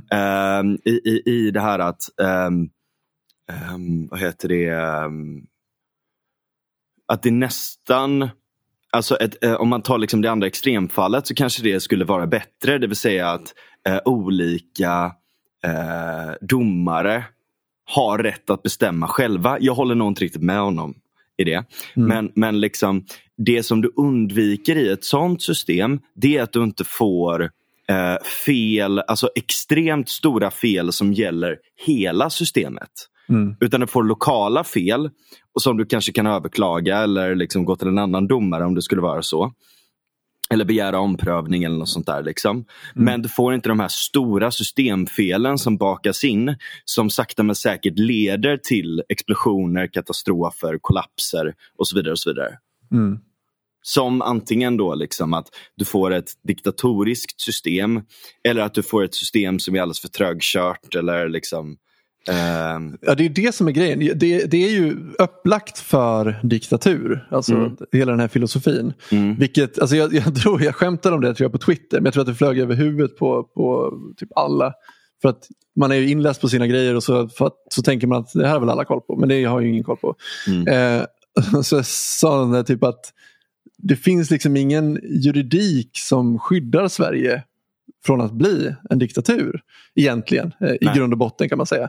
Utan den lag som egentligen kanske har, har varit den enda som har skyddat oss från att faktiskt bli en på riktigt diktatur. Det är möjligtvis jantelagen. Så mm. eh, för det, det är alltså ja. så, så bräckligt det ser ut om man tittar på det. Liksom. Eh, att, eh, men återigen, jag tror att det är det som gör att sossar är så jävla besatta vid att ha makten. För att de förstår att har du makten så är du den som, som bestämmer allt. Du bestämmer vad som är moral. Och det vet, alltså de, de, de fattar ju att skulle det komma någon som har diktaturambitioner till makten i Sverige då mm. går det ganska snabbt. Mm. för att alla verktyg finns där för att göra det. Så de ser det som att så länge de sitter där och, och, och inte vill ha diktatur så, så blir det inte diktatur. Men det är bara för att de har skapat ett system som är så in i helvete bräckligt. Mm. Um, och jag, dels är det det. Men sen förklarar det också varför de hela tiden, ja men till exempel när det kommer till um, narkotikafrågan. Så, så kommer de ju hela med argumentet där att om vi skulle avkriminalisera eller legalisera till och med. Så säger de att det skulle skicka fel signaler. Och det är precis det de menar då. Alltså, för att om du har ett, ett system där eh, liksom, lagstiftaren bestämmer vad som är moraliskt. Eller bestämmer, alltså, programmerar hur människor ska agera. Så är det ju bättre att lagstiftaren säger att du ska inte knarka, tycker de då. Än att du har ett, ett system där lagstiftaren inte säger någonting. För då kan, ju, då kan det ju bli så att folk knarkar. Mm. alltså, för att då blir det som att om du inte uttryckligen som lagstiftare säger det här är fel så betyder det att det är moraliskt okej okay att göra. Förstår du? Ja. Så det, det, det är nog förklaringen till varför mm. de inte kan liksom, lex, rucka lex på den. äta bajs. Vadå? Lex äta bajs. Det är lagligt att äta bajs således. Ja. Just det. Nej, men, men det, det, det, är så jävla dumt liksom. Och Problemet med det sorters tänkande är ju en övertro till att man kan centralplanera. Ja, ja. Och ja. att man genom social ingenjörskonst kan göra lite vad fan som helst. Mm. Och att så länge de goda får vara vid makten eh, så är det inga problem och därför så måste man eh, eller det är därför de gör som de gör då helt enkelt med de här bullshit-anklagelserna mot moderater. Nota bene, Moderaterna är ju faktiskt de som vill stärka konstitutionen i Sverige. Mm. Uh, de, de, vill att, de vill att det här inte ska vara möjligt. Mm. Men ändå så är det de som får Fast kritik. driver de verkligen det? Ja, det, de det finns folk som driver det ganska aktivt. Alltså. Det, det, finns väl för fan ingen i Sverige som tror att det finns liksom eh, eh liksom, grundläggande mänskliga rättigheter annat än liksom utanför de konventioner, alltså typ utanför Europakonventionen. Alltså folk, det här är ju lite fult av mig också att argumentera liksom, mot ett socialdemokratiskt liksom, eh, rättsfilosofi som den var på kanske 20-30-talet. Det har ju hänt ganska mycket sedan dess. Vi har ju till mm. exempel eh, Europakonventionen. Alltså, mänskliga rättigheter har vi ju liksom skrivit in i grundlagen sedan dess. Så, att, så att du får ju liksom inte stifta lagar som går emot eh, liksom, Europakonventionen. Överhuvudtaget. Mm. Så, att, så, det är klart. Men problemet är bara, det, det jag försöker säga är att jag tror att det finns ett problem med att tro att du får mänskliga rättigheter från ett papper där någon har skrivit ner någonting. För att då får du sådana här idiotiska idéer. Till exempel i, i vintras när man införde vaccinpass till exempel. Mm. Eh, och alla tyckte, det var ju sjukt förvirrande för att instinktivt så tror jag att de flesta känner att fan så här kan vi ju inte göra. Vi kan ju inte förbjuda människor att liksom göra frivilliga saker. Alltså om jag vill hänga med dig och du vill hänga med mig, varför ska vi Liksom, hur, hur kan det vara korrekt att gå in och liksom, tvinga människor att, att inte göra det? Till exempel, eller, och, det är samma sak, det måste, samma princip måste ju gälla om jag går på en restaurang. Om restaurangägaren vill att jag kommer dit och äter och jag vill gå dit och äta. Varf, hur ska vi kunna liksom inskränka det här? Det är jättekonstigt. Alltså, det, är, mm. det är en känsla vi har, att det känns konstigt. Mm. Och då var det, som tur var så var ju SVT redo till sossarnas försvar där som vanligt. Och, eh, och hade några experter som pratade om det här. Och då sa de att så här, äh, det är ingen mänsklig rättighet att få gå på restaurang. Nej, om man är liksom eh, autistisk och tror att mänskliga rättigheter det kan du hitta i Europakonventionen. Och nej, det är sant. Det står inte i Europakonventionen att man har rätt att gå på restaurang. För det är ingen, alltså mänskliga rättigheter är ingen konvention. Utan mänskliga rättigheter är någonting objektivt som existerar oavsett om du skriver ner det eller inte. Mm. Alltså, Europakonventionen det är egentligen bara att du har skrivit ner någonting som redan existerar. Det är inte att du får rättigheterna från det här pappret. Utan tror du det, då, kan, då tror du också att det, inte, att det inte är en mänsklig rättighet att få gå på restaurang. Men det är klart som fan att det är en mänsklig rättighet att få gå på restaurang. Mm. Om restaurangägaren vill att du kommer dit och jag vill gå dit och äta, då, då, då liksom det är klart att det är rätt att, att jag får göra det då i sådana fall. Mm. Det, det är självklart. Eller det, det förstår vi rent instinktivt. Mm. Ah, jag blir så jävla förbannad på sånt där. Eh, men, men ja, eh, vad fan var det jag skulle säga mer? Det var någon, någon tanke jag hade till där. Apropå det. Eh, Nej men alltså, ja eller så, det, det, är väldigt många som misstolkar bara, bara för som en passus där. Liksom. Alltså, det är klart att du inte har en mänsklig rättighet att göra någonting om den andra parten inte alltså om, om det är liksom något relationellt helt enkelt. Liksom. Mm. Eh, då är det klart att om båda parterna, det är snarare så här, båda parterna har rätt att ingå ett avtal av att göra en sån sak. Ja, mm. precis. Ja, ja, självklart. Alltså, liksom, mänskliga rättigheter eller liksom, naturrätten fungerar ju bara, och det är ju det här klassiskt Men det är liberala det sättet att exempel, det på. Det är, det är ju det som till exempel gör att de kan förbjuda rökning på uteservering. Hur då menar du? Ja, men alltså, det finns ju noll som egentligen säger varför det skulle vara rimligt att inte tillåta två parter att gå med på på Jaja. att liksom, okej okay, jag äger en restaurang, på min uteservering så tycker jag att det ska vara okej okay att få röka cigaretter. Man får mm. röka cigaretter på gatan, jag äger min restaurang, men du äger ju inte din restaurang uppenbarligen. Utan Nej. det är sossarna som tillåter dig att äga restaurangen på deras villkor. Mm. Och Visst, man skulle kunna säga i viss mån att så här, okay, vi är under våldsmonopolet, våldsmonopolet är under staten och de har liksom eh, rätt till att tillämpa lagar eh, och så vidare. och så vidare. Men sossarna är ju väldigt duktiga på att dra den rätten till vad de har rätt till att bestämma om väldigt, väldigt, väldigt långt. Just mm. på grund av att vi inte har en konstitution. Just på grund av att vi inte har liksom eller, alltså, på, vi har men, ju en konstitution, det har vi ju. Eller vi har ju en grundlag. Vi har en grundlag liksom, har vi. Men, men, det har vi ju, men, men det är ju liksom Den är ju ganska liten.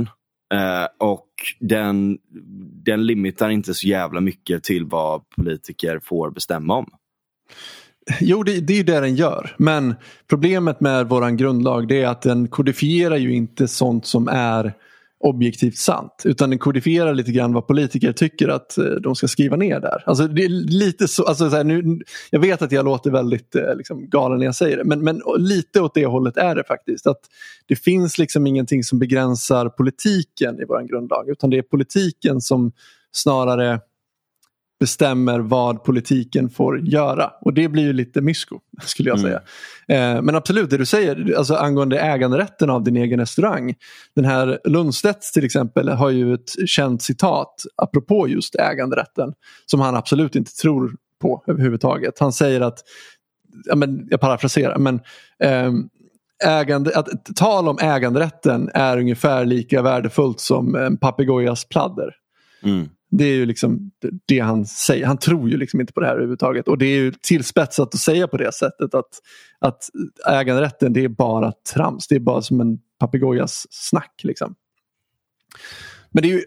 och det här... Men de bryr sig inte om det. Alltså, eller nej, de, nej. De, nej men, och det är det som är grejen. Det kanske är där som, det som jag menar. Liksom, att De bryr sig inte om äganderätten. Det är väl det som är det stora problemet. Mm. Ja, ja och det är det som är, och det är ju det här jag menar när jag pratar om abort. Liksom. Ah. Om, om, de, om själva sossarnas grundidé är att det är staten som äger din kropp. Du äger inte din kropp, det är staten som äger din kropp. Det är staten som bestämmer vad som ska ske med din kropp. Det är ju det de tycker. Då tycker jag att det är lite konstigt att de gråter om aborträtten. För de tror ju inte på aborträtten. De tror ju att det är staten som ska bestämma om vi ska ha rätt att göra abort eller inte. Ja, det är, det är, de, det är de som har skapat det systemet. Så ja. Det som hände nu i USA där högsta domstolen sa att nej men aborträtten det får politiker liksom fatta beslut om. Om det ska tillåtas eller inte. Det var ju egentligen i linje med den socialdemokratiska rättsfilosofin. Ja, det är sant. Det är väldigt sant. Så de borde ju hurrat för det här och sagt att ja, mer makt till folket. Ja. Folkviljan står över über alles. Liksom. Ja. ja. Faktiskt, så jag, jag fattade inte riktigt den grejen. Faktiskt, faktiskt. Ja, så det var det, det var det jag ville säga när jag sa att sossar inte tror på, på rättigheter. För det gör de inte. De tror att rättigheter står på ett papper. Eh, men ja, i alla fall. Så att, men okej, nu, nu sitter jag här och hävdar väldigt mycket att, att naturrätten, alltså naturliga rättigheter på det sättet, du har rätt till din kropp, att de existerar. Liksom. Mm. Och hur ska man få ihop, om man, kollar liksom, om man kollar på den amerikanska konstitutionen som du var inne på som beskriver naturliga rättigheter som liksom self-evident. Alltså de är självklara, uppenbara. Så självklara att de inte ens behöver förklaras eller liksom beläggas överhuvudtaget. Samtidigt som då Uppsala skolan som det heter med Hägerström i spetsen hävdar då att naturen, naturrättens, liksom, det existerar inte. För att du mm. kan inte belägga det. Alltså det, det här är ju två totalt olika uppfattningar om, om verkligheten. Så mm. hur, fan ska man, hur ska man förstå det? Hur kan den ena säga att det här är ju självklart, det här behöver vi inte ens prata om. Och den andra säger att ni kan inte ens belägga det här. Liksom. Så att, ja. ja men precis, och där är ju också så här, väldigt många av de här grejerna är ju inte självklara utan intuitiva. Och man kan koppla det till, alltså du kan koppla det hela vägen ner till liksom ventromediala prefrontala cortex. Liksom. Mm. I vår aktivering och i vår sociala intuition och moraliska intuition som har byggts upp under eh, typ ja, miljontals år. Ja. Eh, så att du, du, du, har ju liksom du har ju en hel del funktioner där du kan härleda det till på ett natura eh, naturalistiskt sätt och du kan härleda det till intersubjektivitet eh, och du kan härleda det till, att, och, och till liksom en lokal objektivitet inom en, en, en, ett visst subset av människor och så vidare. och så vidare. Och så där, liksom. Men mm. sen kan du också hänvisa det till logik. Liksom. Alltså på samma sätt som eh, matte Alltså matte och moral fungerar ju på två olika sätt såklart. Liksom. Men, men jag mm. tycker nog ändå um, jag hade kunnat ranta om det här innan men jag, jag ville lyssna klart lite på dina resonemang först. Liksom. Men mm. alltså, du har ju Alltså om du ställer upp saker och ting mot varandra så kan du ju resonera dig fram till vad som är rimligt. Liksom. Mm. Där du kan ha en transparent process i det också.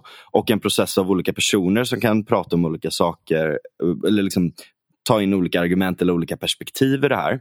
Mm. Um, där du kan helt enkelt komma liksom, du kan komma till kompromisser eller du kan komma till här är det här okej, okay, här är det här inte okej. Okay. Jag skulle kunna vara helt okej okay med att så här, okay, du har platser där folk får bo där de får bestämma ganska mycket själva. Liksom. Alltså att man har ganska decentraliserat. Liksom. Uh, här är det här området får du inte gå runt uh, um, och här, här, I det här området får du inte spela uh, högmusik efter den här tiden.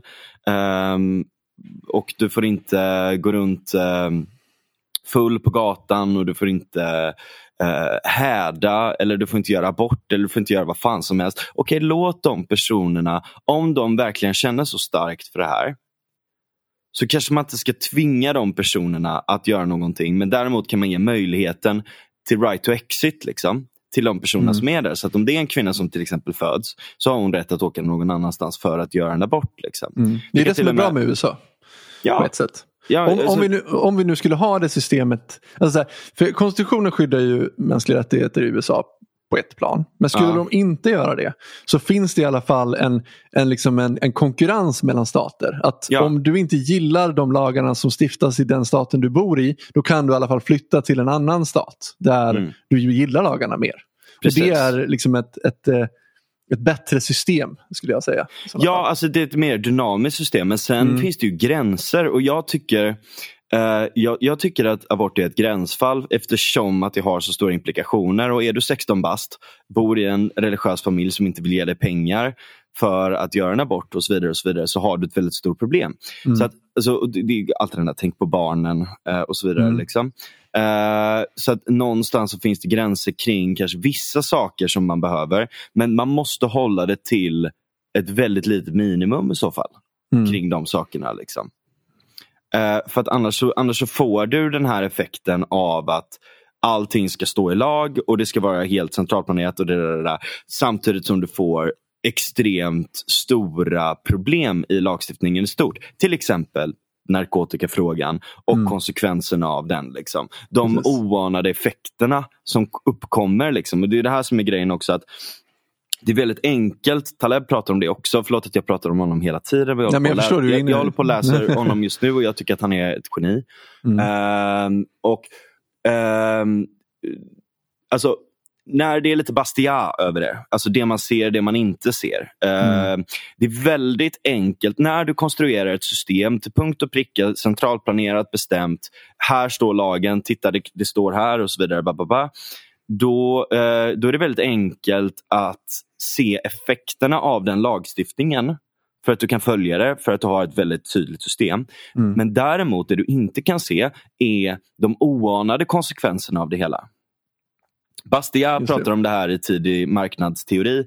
Där han mm. pratar om att eh, eh, om, om du, eh, om du gör en viss alternativkostnad, precis. Liksom. Om du gör en viss intervention till någonting så, eh, så ser du inte konsekvenserna runt det. Ta till exempel... Eh, broken window fallacy broken är ju window. ett perfekt exempel på det. Ja, du kan ju berätta det. Ja, men alltså man, man, skulle kunna argumentera för att, att det är bra om man krossar rutor på butiker för att det skapar ju jobb åt de som reparerar eh, mm. rutor eller installerar nya rutor. Och då får de betalt och det är jättebra för ekonomin. Men det man, för då, för det, då pratar man ju om vad man ser. Det är det vi ser, att någon får jobb och någon får betalt. Mm. Men det vi inte ser i det och det vi inte tar, in, tar med i beräkningarna av, av den situationen det är ju att den här personen som äger butiken som betalar för att få rutan utbytt. Hade, hade han inte behövt betala för att byta ut sin ruta så hade han lagt de pengarna på någonting annat som hade skapat eh, ett plus istället. Mm. Så att istället för att reparera någonting, alltså istället för att vi ska gå back först och sen reparera upp till den nivån så att vi är på samma nivå igen. Så kan man använda samma pengar för att skapa ett plus istället. Mm. Eh, så det, det är det som är själva problemet. Precis. Ja. Ja, och, och, vad hade de pengarna gått till istället? De hade kunnat ja, gå exakt. till att den här eh, personen som ägde den här rutan inte behövde lägga dem på att fucking köpa ett nytt fönster för att en fittunge hade slått sönder det. Liksom. Utan då hade han kunnat lägga dem på någonting vettigt istället. Mm. Knark typ. Nej, men, Eh, och haft lite roligt för en gångs jävla skull. Han jobbar så jävla mycket i den här butiken. Men det, ja, det är också, får jag bara sticka in det, exakt det, det du säger nu. Jag tror att Eh, för det har ju Mattias Svensson pratat väldigt mycket om. Just det här att, att ha roligt i Sverige är någonting man ser på med misstänksamhet och, mm. och det är liksom ingenting som har någon nytta i sig. Vad, vad ska mm. det, och jag tror att det här har med det att göra också. Att, det här, alltså, att ha roligt det är ingenting mätbart. Det är liksom ingenting som är nyttigt i den bemärkelsen. Mm. Utan det är något mumbo jumbo. Och det här, det här är det intressanta. Då, för att jag har ju... Det är den värsta formen av autism. Ja, ja, ja, det är verkligen det. Utan det enda man utgår ifrån det är vad som existerar i verkligheten. Det är, ja. det, är det enda man utgår ifrån. Och det är det här. för Jag började tänka på den tanken lite grann. För att, Eller det enda man kan föreställa sig och så har de så extremt små fantasivärldar de här personerna. Men de har ju det. Men alltså jag tycker inte att det är ett dåligt argument. Jag har verkligen brottats med det här. Alltså det Hägerström säger. Um, och, men någonstans så känner man ju intuitivt att det är någonting med det här som är fundamentalt fel. Det här, det här beskriver ju inte en mänsklig tillvaro. Det här beskriver ju en maskin. Och man, liksom, världen är inte en maskin. Och skapar du en, en, ett samhälle som fungerar som en maskin då är du ganska illa ute, tänker jag. Mm. För att vi är människor, vi är inga maskiner. um, så, att, så att någonting var ju... Just det, det var det också jag skulle säga. Jag bara sticker in det snabbt i en passus passus. att det här är ganska intressant också just att för det, det Hägerström gör det är ju att han, han skalar ju bort även skönhet. Alltså han säger ju egentligen också att, eller hans argument fungerar ju på exakt samma sätt som det gör med moral. Alltså det finns ingen skönhet, det finns inget som är vackrare än någonting annat utan det är bara subjektiva åsikter, säger han. Mm. Och det är intressant, för vad gjorde sossarna? Jo, de introducerade funkisen. Mm. Man sa att vi skiter i vad som är... Sa han liksom, det den här eh, Nej, alltså han sa inte att vi skulle introducera funkisen. Men det är ju... Nej, nej men alltså, han, han sa att, inte, alltså, alltså att vack, liksom det vackra var ju subjektivt och så vidare. Han var på det spåret. Ja, jag säger att hans argument är ju Likt. Eh, likt. Det hänger ihop med hela den här filosofin att, att bara skala bort all, allt metafysiskt som moral, som, som skönhet, som rätt och mm. fel. Rättvisa är också en sån sak som försvinner. Alltså, han skalar ju bort jättemycket saker ur verkligheten. Som till exempel skönhet. Mm. Eh, och Det man gjorde då det var att bygga funkis. Man, man skulle bygga det som man visste fungerade. Alltså, liksom, det var ju bara funktion som var eh, liksom, det primära. Alltså mm. allt det här med skönhet och sånt där, det är, samma, det är ju bara mumbo jumbo, det vet ingen vad det är. Eller det kan vi inte veta vad det är. Utan det är, det är bara liksom känslouttryck eller whatever. Liksom. Oj, prosit. eh, men så det är ju någonting som är fundamentalt fel med det här. Det tar ju inte hänsyn till verkligheten som sådant utan det tar ju bara hänsyn till en liten del av verkligheten. Men jag tror att de här personerna är skadade. Liksom. Alltså, det, det, jag skojar. Men jag menar, alltså, att, att inte kunna föreställa... Alltså, jag, jag fastnade för någonting där. Mm. Det här att inte kunna ha någon föreställningsvärld där man kan se skönhet. Det måste ju vara fruktansvärt. Ja, men jag tror nog att de kan det. Men det handlar mer om att då tror de att kan det här är någonting. Det? Ja, det, jag tror att det, men det handlar mer om en, en känsla hos dem, tycker de. Då. De skulle ja. aldrig säga liksom att den här konsten är skönare än den här konsten. Alltså mm. de skulle, för då skulle de bara säga att ja, men det är bara min åsikt. Vi har bara en massa subjektiva åsikter. Um, och det är intressant för jag tycker att man pratar om, om saker på det viset i Sverige. Man pratar liksom inte om vad som är rätt och fel. Man pratar bara om så här, vad tycker jag är bra, vad tycker du är bra. Och, för det har jag tänkt på också, när jag pratar med folk som inte respekterar äganderätten så pass mycket som jag respekterar äganderätten. Alltså mm. att jag tycker att det här är en moralisk sanning med äganderätt och det får man inte lagstifta om. Um, ofta så hamnar man i de diskussionerna där folk säger att så här, eh, jag tycker att, ehm, eh, att arbetarna ska äga företagen. Säger ja. de. För det vore bra, säger de. Jaha, säger jag då. Men vad du tycker är bra, det skiter jag i. För att det du tycker är bra, det är bara din subjektiva åsikt. Det jag menar, det är att äganderätt är evigt moraliskt rätt. Så det, det, är klart att det trumfar din vad du tycker hade varit lite mysigt här i världen. Eh, för det är fel att liksom ta ifrån folk det som är deras. Mm. Eh, men det den personen ser det är ju att det finns inget objektivt rätt moraliskt ramverk. Utan det enda som finns det är bara en massa åsikter som folk kan ha, lite känslor. lite sådär. Mm. Så att och om äganderätten liksom är bara en känsla, som det jag säger att jag tycker att det är bra om folk får behålla det de tycker är mysigt. Och, och så kommer eh, tio andra och säger det tycker inte vi och så bara tar de dina grejer. Exakt, exakt. så är det bättre då för att bla bla, tycker de då. Så, men, men det är inte det här jag menar när jag, när, jag prat, när, jag, när jag diskuterar med folk så menar jag att jag har rätt och de tycker bara att det är min åsikt. men i alla fall, det jag skulle säga om Hägerström, tillbaks till hans konstiga filosofi. För att det är någonting med det här som är så fundamentalt fel. Och det är ju återigen, alltså det är lite grann som att han är en eh, kirurg som ska operera bort en, liksom en tumör. Och den här tumören det är liksom naturrätten, den objektiva rätten i världen. Mm. Eh, den ska han operera bort. Men istället för att liksom vara så här ty, liksom jättenoggrann och skära med skalpell och verkligen få bort bara den här tumören som han vill få bort. Så opererar han ungefär med en handgranat. Mm. Så att han liksom... Iatrogenes. Han släng... Vadå? Iatrogenesis, som vi pratade om innan där.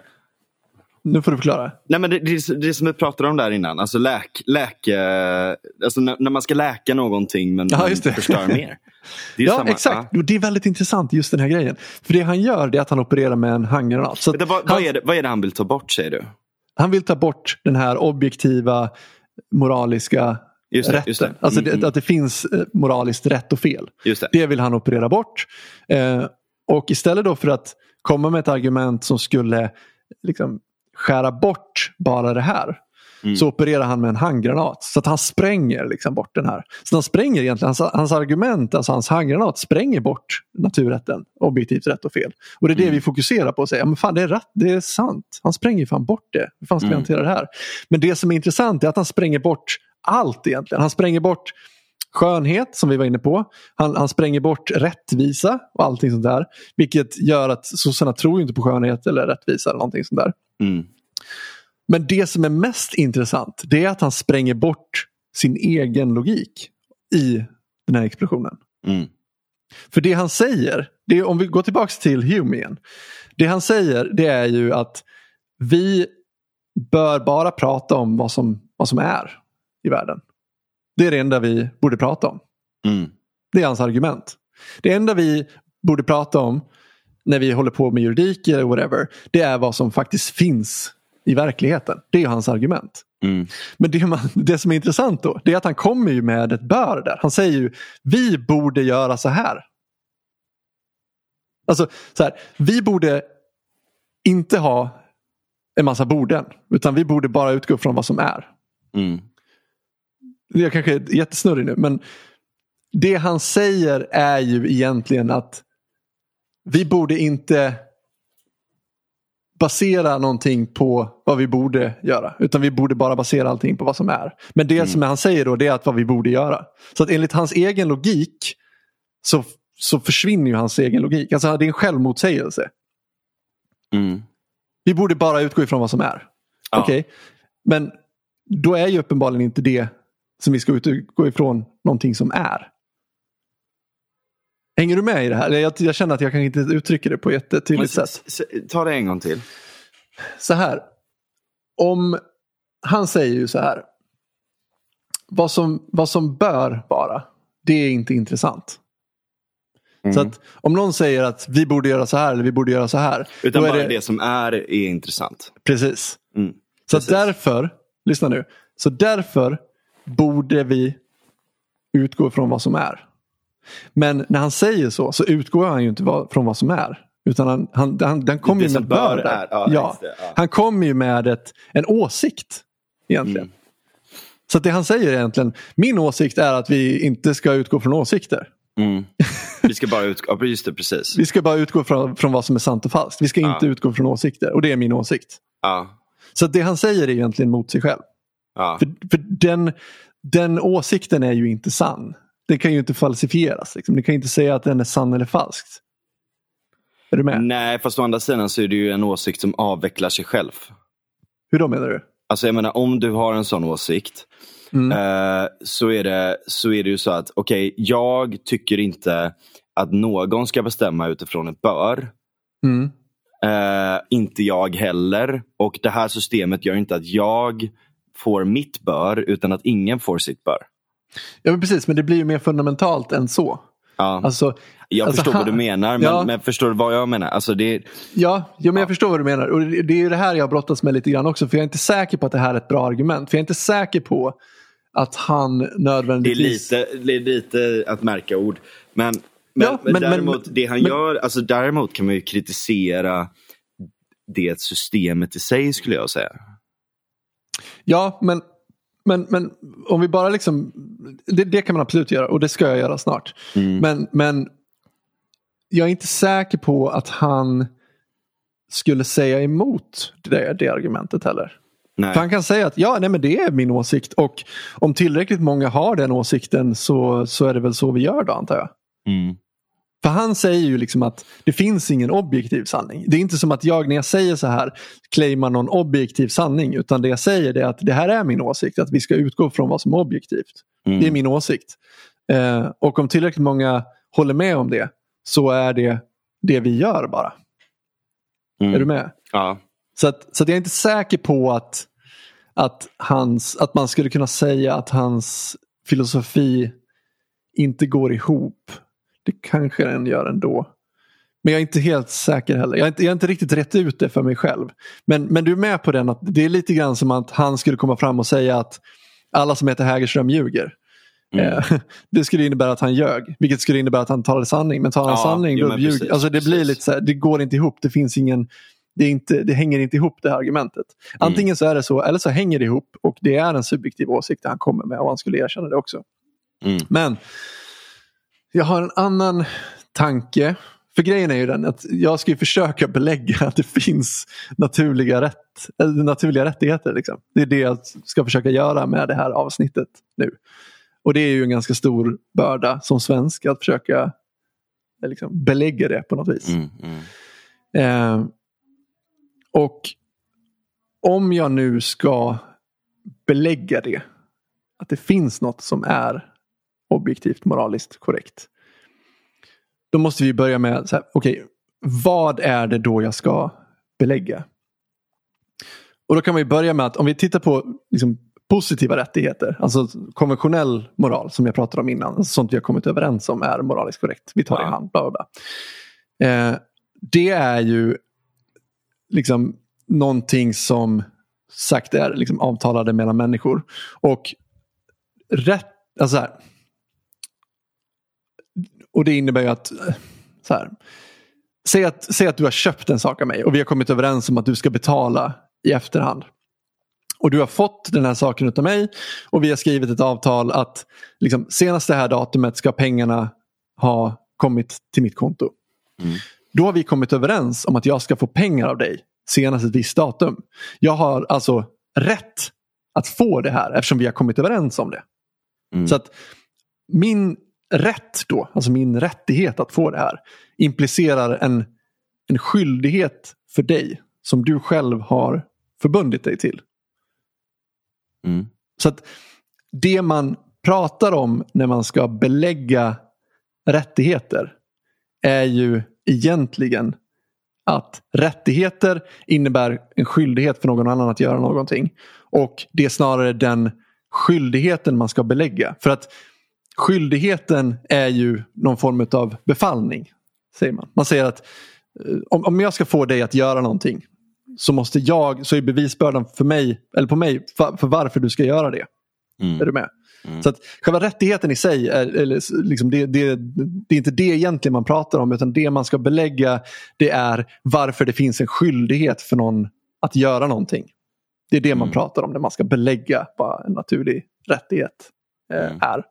Och Det här är väldigt viktigt att förstå och jag har märkt att det här är väldigt svårt att, att greppa för folk. Så att jag ska, jag ska förklara mer i detalj och sen ska jag ta det lite mer, göra det lite mer komplext och så försök hänga med nu i, i vad, vad det är jag säger. Jag börjar Mm. på en väldigt, väldigt enkel nivå, egentligen det jag började innan. Men så här, ett exempel. Jag, jag har jobbat jättemycket med inkassoverksamhet i mitt Mm. liv. Och där handlar det om att vi som inkassobolag, vi får in en massa påstådda skulder från företag eller människor eller whatever. Och det vi gör då är att vi skickar ut ett inkassokrav till en person som någon påstår har en skuld. Alltså en påstådd gäldenär. Mm. Och det händer att folk tar kontakt med oss och säger att fan det här stämmer inte. Jag har ingen skuld till den här påstådda borgenären. Alltså den här skulden existerar inte. Jag vet inte vad det här är för någonting. Och det vi gör då det är ju att det, och det vi gör då det är att vi säger att okej, okej, vi köper det. Det vi måste göra då i sådana fall det är att ta kontakt med den här personen som påstår att den här skulden finns. Och så får den personen belägga varför den här skulden existerar. Varför du är skyldig att betala pengar. Mm. Det är rimligt. Så att vi har liksom bevisbördan för att du är skyldig att betala pengar. Mm. Det vore ju helt sjukt om, Om det var tvärtom. om det var tvärtom. Säg att vi hade skickat ut ett inkassokrav och så ringer du in och säger att fan jag känner inte igen det här. Jag har inte beställt den här saken. Jag vet inte vad det här är för någonting. Och då säger vi att så här, "Nähä, tråkigt för dig. Du får ju bevisa att du inte har beställt den här saken. Alltså, det är ju självklart att vi, alltså du kan ju inte tvingas bevisa att du inte har gjort någonting. Utan det är ju på oss att bevisa att du har en skyldighet. Mm. Mm. Och så att, så, att, så, att, så här, om, om jag nu påstår då att naturliga rättigheter existerar eh, som implicerar skyldigheter för någon då, eftersom rättigheter implicerar skyldigheter, så är bevisbördan min. Alltså det, det är ju det Hägerström säger. Det är jag som hävdar att den här rätten existerar som måste bevisa att den existerar. Men problemet är bara så här. Nu blir det lite krångligare. Mm. Ibland på inkassobolaget så skickar vi ut brev där det står så här. Din totala skuld är i dagsläget noll kronor. Alltså det det står är din skuld är noll kronor. Eller du har en skuld på noll kronor. Och det här låter ju, liksom, när man bara hör det, som att det finns en skuld och sen när man hör att det är noll kronor då förstår man att det finns ingen skuld. Men det låter som att vi pratar om att det finns en skuld. Och då kan man tänka sig, tänk om någon skulle ringa in och säga att fan det står här att jag har en skuld. På, eh, visserligen på noll kronor men det står att jag har en skuld. Och om ni påstår att jag har en skuld så måste ju ni belägga det. För det är ju ni som kommer med liksom, liksom påståendet att jag är skyldig på något vis. Mm. Och det vore ju helt bisarrt. För jag menar, visst det står att du har en skuld på noll kronor. Men vad det betyder är ju att du inte har en skuld. Mm. Och, en, och att inte ha en skuld det är ju inte en, en, en typ av skuld överhuvudtaget. Även om det låter som det när vi pratar. Alltså det är ju ungefär som att säga eh, ja men den här snubben är död. Va? Vad fan betyder det? du kan ju inte vara död. För det är, ingen, det är ingenting du är. Liksom. Nej. Att, att, att vara död är ju inte en, en version av att vara någonting. Det är Alltså, är inte ett- avsaknad av liv. Ja, precis. Aha. Och det här är intressant för att jag tror inte att vi, vi är inte så vana som, som människor att prata om negationer på det sättet. Så att vi liksom verkar tro att, alltså, så här, när vi pratar så pratar vi om liksom, avsaknad av saker som att det är en sak. Så att om jag säger att han är död så låter det som att jag menar att det är någonting som han håller på, håller på med. Eller så här, det är någonting han är för stunden. Eller sånt där. Men det är precis det han inte är. Han är ingenting, han är död. Liksom. Mm. Men det kan röra till det rent språkligt. Liksom, att vi tror att så här, om, om, om jag säger att, eh, att du har en skuld på noll kronor så, tro, så känner vi, ah shit jag har en skuld. Liksom. Nu är det ett väldigt enkelt exempel för det finns ju få människor som inte skulle fatta att en skuld på noll kronor betyder att du inte har en skuld. Men ja, skitsamma. Mm. Och det här är intressant då, för det här måste man verkligen förstå när man pratar om naturliga rättigheter. Alltså, för det som är grejen, det är att om vi, om vi säger så här, jag har rätt till mitt, mitt liv, jag har rätt till min kropp och jag har rätt till mina saker som jag äger. det menar de som inte tror på naturrätten implicerar en skyldighet för mig att inte döda dig. Eller inte ta dina saker. Eller inte förslava mig. Mm. Och det är den här skyldigheten då som jag som tror på de här rättigheterna måste kunna belägga. Det är själva, inte, inte själva rättigheten i sig utan det är ju den skyldigheten den skapar för en annan person. Problemet är ju bara att det jag säger. Ah, jag fattar, jag fattar. Det jag säger nu det är ju att du har inte en skyldighet. Alltså förstår du vad jag menar? Mm. Du har en skyldighet att inte göra det här. Mm. Och har du en skyldighet att inte göra någonting, då har du inte en skyldighet. Precis på samma sätt som om det står att du har en skuld på noll kronor. Alltså det står egentligen du har en skyldighet att inte betala någonting. Mm. och precis på samma sätt så står det att du har en skyldighet att inte intervenera i mitt liv. Mm. Det är egentligen ingen skyldighet utan det är bara ett sätt att prata på. Mm. Och det är viktigt att förstå. Så att när jag säger att du har en skyldighet att inte döda mig så pratar jag egentligen inte om en skyldighet. För det är ingen skyldighet överhuvudtaget. Just det. Exakt. Så man kan koka ner mitt, mitt argument till tre logiska påståenden. Alltså ett. Den som påstår att det finns en skyldighet har bevisbördan. Två. En icke-skyldighet är inte en skyldighet eller ens en typ av skyldighet. Det, och det är eftersom vi liksom vi uttrycker ju inte en skyldighet, vi uttrycker snarare en frånvaro av skyldighet. Mm. Och den som påstår att en icke-skuld inte existerar hävdar att något existerar. Mm. Alltså en dubbelnegation blir något positivt. Mm. I det här fallet en skuld. Mm. Och det innebär ju i sådana fall att om själva, själva kontentan här det är ju att, liksom, att man har, det Hägerström har gjort egentligen det är att han har förflyttat bevisbördan. Och det är klassiskt sosse-knep. Mm. Att köra med omvänd Just bevisbörda. Det. Just det. Så det han säger det är att den här negationen du pratar om, det måste du bevisa existerar. Ja. Och jag säger att uh, vad menar du? Menar du att säga att, att det här jag säger inte existerar, det existerar inte? Mm. Okej, okay, men i sådana fall, om det är så, då är det ju du som kommer med ett påstående om vad som är Just det. rätt. Just det. Och då skulle jag säga, okej, okay, det du måste bevisa då, för när vi pratar om naturrätt, det är bara ett, ett namn, ett koncept på, på en avsaknad saker. Mm. Så det jag säger det, det är att om du menar att naturrätt inte existerar så måste du belägga varför du har rätt att döda mig. I sådana fall. Mm. För det är ju det det implicerar då i sådana fall. För det, du, du måste ju be, belägga den aktiva positionen så att säga. Det är inte mm. jag som ska belägga den passiva.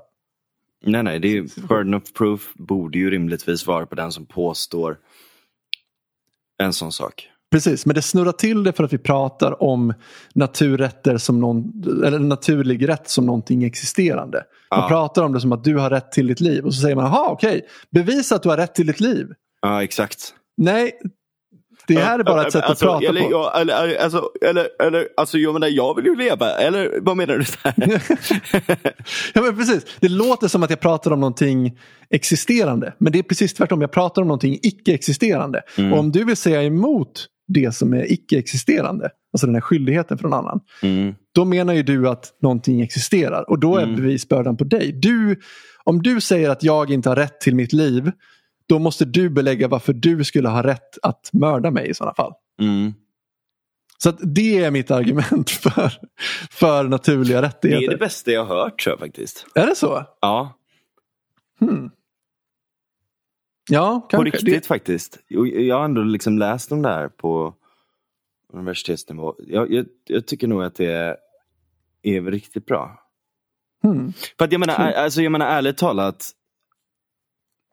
Det, det är ju liksom det stora problemet med hur många filosofer har angripit. Det är ju just det att de liksom tvingar burden of proof på de andra. Liksom. Ja, Det, det har ju alltid, alltså när, när du säger det så bara, det var som en sån här, du vet, eh, så här poletten trillar ner liksom. Att det, det är verkligen, folk har ju hela tiden vänt på, Ja, vänt upp och ner på det hela. och det är det jag tycker är så jävla fult. För att om man pratar om liksom det, det som är the selling point för Hägerströms... Då är det, förlåt, då är det bara might is right.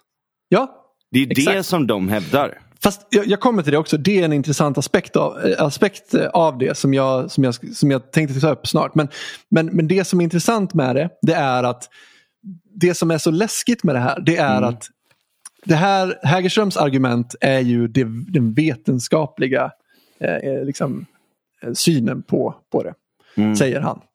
Eh, Ja, det sa, att- de, så det sa de ju om uh, marxist-leninism också. Ja, men precis. Men, men det är ändå på något sätt, det, är- det är sant i det att det är liksom eh, det rationella tänkande men, ja. och det är någonting som, för det han pratar om också det är att, att pratar man om naturrätt så, så liksom, då är man lite liksom vidskeplig nästan. Så det är inte, inte vetenskapligt utan du tror på lite mumbo jumbo. Du kan lika gärna tro på Gud eller någonting tramsigt. Liksom. Just det. Ehm, och det är det här som är så jävla fult egentligen. Att, att, man, liksom, att man claimar den sekulära positionen på något Mm. vis. För att, för att grejen är ju att det är ju den sekulära positionen att erkänna objektiva rättigheter. Alltså det var det den var under upplysningen och det var Ja. det som ledde fram till den franska revolutionen. För det som, eller franska revolutionen och att Eller man skrev snarare, snarare den sekulära positionen är ju att ta bort liksom för att, alltså, det är nästan, för det som du säger det är ju liksom att okej men om du ska göra någonting mot mig då ligger bevisbördan på dig. Mm. Och det är ju att ta bort alla andra grejer och bara gå down to the basics. Exakt. Så att om man tidigare har claimat att, att monarken, alltså kungen i ett samhälle har rätt utav, alltså han har fått sin makt utav, en, utav Gud. Vem fan är du att säga att du äger din kropp framför att Gud äger din kropp? Mm. Eller att staten gör det. Ja men precis. Så att det man gjorde det var ju egentligen att så här, men det, nu ska vi separera liksom eh, staten från kyrkan. Mm. Gud har inte möjlighet att, att ge makt till Men kungen. sossarna vill ju göra staten till kyrkan. Precis, och då vände de på bevisbördan. De Ja. tog det här sekulära argumentet Ja. och sen vände de på det och sa att den sekulära positionen sneaky. är att, att vara liksom eh, att, att erkänna att du inte äger din kropp. För att tror du att du äger din kropp då tror du på, då tror du på något mumbo jumbo övernaturligt väsen. Men det är precis bevisa tvärtom. var... eh, Precis, och det är det som är så jävla, jag blir så jävla förbannad på det här. Jag tycker att det är så jävla eh, fult gjort. Ja, Ehm, verkligen. v- vad var det vi snackade om innan det som jag sa att jag skulle komma in på? Minns inte. Eh, just det, du sa det här med, med den starkes rätt. Mm. Eh, och det är ju det som är problemet. För att så här. Här, okej, det här är mitt argument. Men här skulle förmodligen någon som, som följer Hägerström och hela den här eh, Uppsala skolan kanske invända att Hägerström faktiskt inte erkänner rätt i en objektiv mening. Alltså, han skulle förmod- han, alltså, han, Hägerström skulle förmodligen hålla med mig. Alltså, det går inte att belägga statens rätt att stifta lagar som inskränker din kroppsliga autonomi.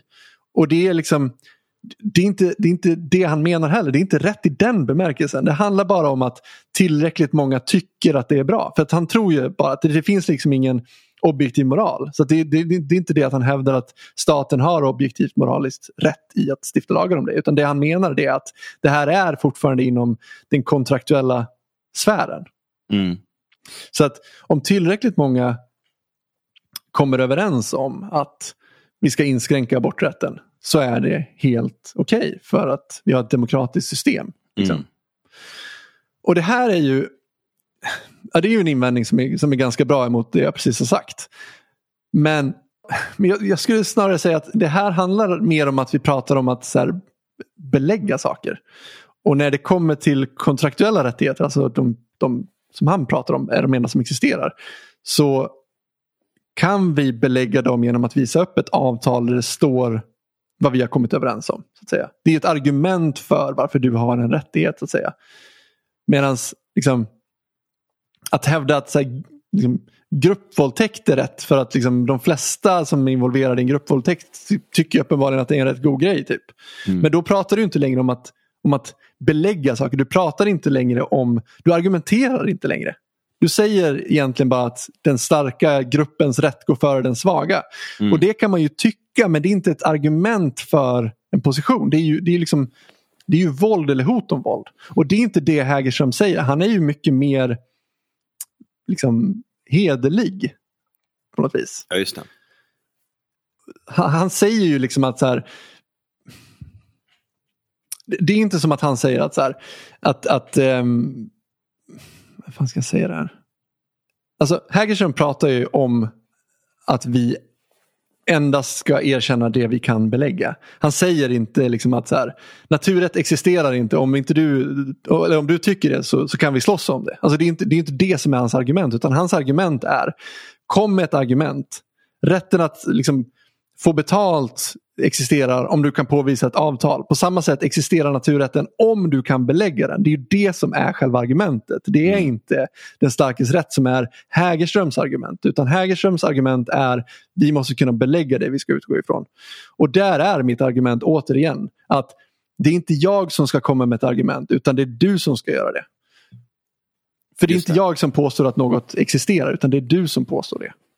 Så att, så det här är liksom inte heller en fråga om, om liksom, jag menar, sä- säg, att, säg, att, säg att jag skulle jobba på inkassobolaget och så ringer jag upp någon random snubbe och så säger jag att så här, du, du, vi är några stycken som, som jobbar här och att eh, vi hade tyckt det var bra om vi kunde få lite pengar utav dig.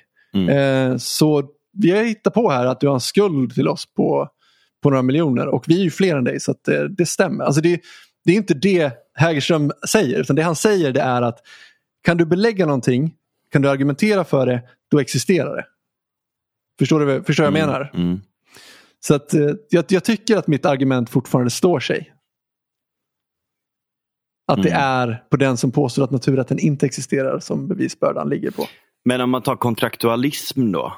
Mm. Hur ser du på det i förhållande till det? Hur då menar du? Alltså typ, okej men du har fötts in i Sverige, vi har ett samhällskontrakt här. Och så vidare och så vidare. Mm. Är det, Ja, det är ju det som är det kluriga. Jag vet inte om jag köper... Det är lite utanför vad jag har tänkt. Men jag tänker alltså så här. Du kan ju endast ingå avtal med individer. Återigen, för, för jag menar, du, du, jag kan inte, det- för annars är det ju återigen där. Liksom, att om vi är tillräckligt många som kommer överens om en sak så har vi rätt att gruppvåldta dig. Liksom. mm, För vi har ju kommit överens om det. mm, Men det är ju liksom avtalet med den enskilda individen som är det intressanta. Det är det som är argumentet för varför den personen har en skyldighet att ha sex med dig eller göra någonting överhuvudtaget. Det är ju den, det, är det, det, det är ju argumentet som är intressanta. Inte att, att vi är fler som, som tycker en sak om dig så att säga. Så att, så att hela den demokratiska idén Då kanske man, alltså menar, om man ska ha ett sådant kontrakt, alltså ett, ett, ett liksom samhällskontrakt. Mm. Då borde man ju rimligtvis ha det väldigt minimalistiskt så att det nästan är självförklarande. Ja, alltså enligt Locke då som är väldigt mycket den personen jag utgår ifrån och den som Alltså det som står uttryckt i den amerikanska konstitutionen är ju egentligen ordagrant vad han säger. Mm. Ehm, det är ju, vad var det jag skulle säga med det nu? Att du ska ju ha rätt att hoppa av samhället. Mm. Ehm, och statens primära uppgift är att skydda dina naturliga rättigheter. Alltså det är den första kontraktuella liksom, skyldigheten som uppkommer när vi skapar en stat. Det är liksom statens primära uppgift. Det är att se till att ingen dödar dig, ingen förslavar dig och ingen tar dina grejer. Det är liksom Mm. det grundläggande, det mest grundläggande som finns. Liksom. Mm. Eh, Så någonstans, ja. Eller vad var det du, vad var det du sa nu? Känns Nej men det, alltså jag menar, det, det är ju det mest grundläggande men där finns det ju en naturlig konflikt. Hur då menar du? Alltså jag menar mellan, okej men för att de ska kunna skydda dig så behöver de också ta en del av dina pengar. Eh, ja, jo men det är ja absolut. Och vi, kan ju komma överens om att, alltså säg att, säg att eh, vi är ett tio pers som bestämmer oss för att flytta ut i en stuga i skogen. Mm. En kibbutz. Och så säger vi att så här, nu ska vi skapa en stat. Eh, en utav oss får, eh, den starkaste förmodligen då, eh, får uppgiften i den här gruppen att se till så att ingen annan tar någon annans grejer eller är dum mot någon. Mm. Och för det så kommer vi betala den personen så här mycket pengar varje månad. Så att du kan fokusera på det och vi andra vi fokuserar på liksom, att odla grejer eller jaga eller whatever. Eh, då måste ju en person, om en person känner att så här, fan jag, jag vill inte vara med i det här. Mm. Då måste ju den personen kunna säga att Nej, men vet ni, jag, jag, jag skiter i det här. Jag, ni får köra er grej. Jag går härifrån och gör min egen grej. Mm. Eh, så, så det är ju ett avtal i sådana fall om att betala skatt. Alltså, vill du betala skatt, alltså, att, att betala skatt det är ju någonting som du behöver komma överens med, med dina invånare i sådana fall. Att vi ska betala skatt. Mm. Och det är ju varje persons fucking rättighet att säga nej jag skiter i det. Jag tänker inte betala någon skatt. Jag tänker inte vara med i ert samhällsbygge. Ni får göra vad fan ni vill men jag tänker vara ensam här. Vi, vi kan handla med varandra men jag, jag tänker inte vara med. Mm. Men problemet är ju att vi, det är inte det samhället vi har nu. Utan det samhället vi har nu det är att du är tvungen att vara med. Och det vet jag inte hur, hur man ska rättfärdiga. Och Mm. jag tycker att man bör rättfärdiga det. Om, om, det är Ja. så vi ska ut, om det är så vi ska ha det. Nej, men framförallt så är det ju bra att gå tillbaka till vad är det egentligen som rättfärdigar det? Och har Mm. vi inte gått lite väl långt i Ja, vad precis. vi rättfärdigar med det? Liksom? Exakt. För att, för Ja. att någonstans så är det en väldigt, väldigt bräcklig filosofisk grund som socialdemokratin i Sverige står på. Mm. Det är en extremt bräcklig grund. Och Ja. dessutom när de mest fundamentala grundläggande eh, servicerna som, som man vill ha, typ rättsstat, sjukvård, skola, ba, ba, ba, ba, alla de här sakerna. När det finns problem med dem, framförallt med kriminalitet men, men även allt sånt där. Och de tar ut hutlösa pengar Mm. som går till en jävla massa bullshit. Och, och så vidare och så vidare. Så måste man faktiskt kanske gå tillbaka till, det kanske behövs liksom lite ny, ny renässans i de idéerna att gå tillbaka till, okej men Vad fan får jag för det- pengarna? Ja, vad fan får jag för pengarna? Och vad är det egentligen som säger att ni får göra det här? Mm. Hur långt får det gå egentligen? Ja, Och för, för Hur också, långt? kom ihåg när du har två det. olika För, sidor som knappt vill förändra systemet. jag måste sticka in det bara lite snabbt när du Ja. säger exakt den grejen. att Det här är inte en fråga om vem som har makt. Alltså vem, vem som har störst batong. Utan det här är en fråga om vad som är filosofiskt rätt. För Ja, det är alltså, det de och, och jag menar, annars, annars, precis, och annars får ju Socialdemokraterna säga det att nej, nu är det så här, rätta er ledet annars dödar vi er. Ja, För det är, ju det, precis. det är ju det de menar egentligen. Mm. Ja, i sådana fall. Då är det det som är argumentet i sådana fall. Och då, Och då får de Då- stå då för kan det. det- Men då då, får de vara dit, ärliga och transparenta med att det är det de menar. men det jag tycker är ännu läskigare med det här, det är att sossar har ju alltid fnyst åt mänskliga rättigheter. Och det, är det, är liksom, det, det säger jag inte återigen för att smutskasta sossar. Det är en sanning och det skulle de förmodligen erkänna. De, för att de erkänner inte mänskliga rättigheter. De tycker att det är mumbo jumbo.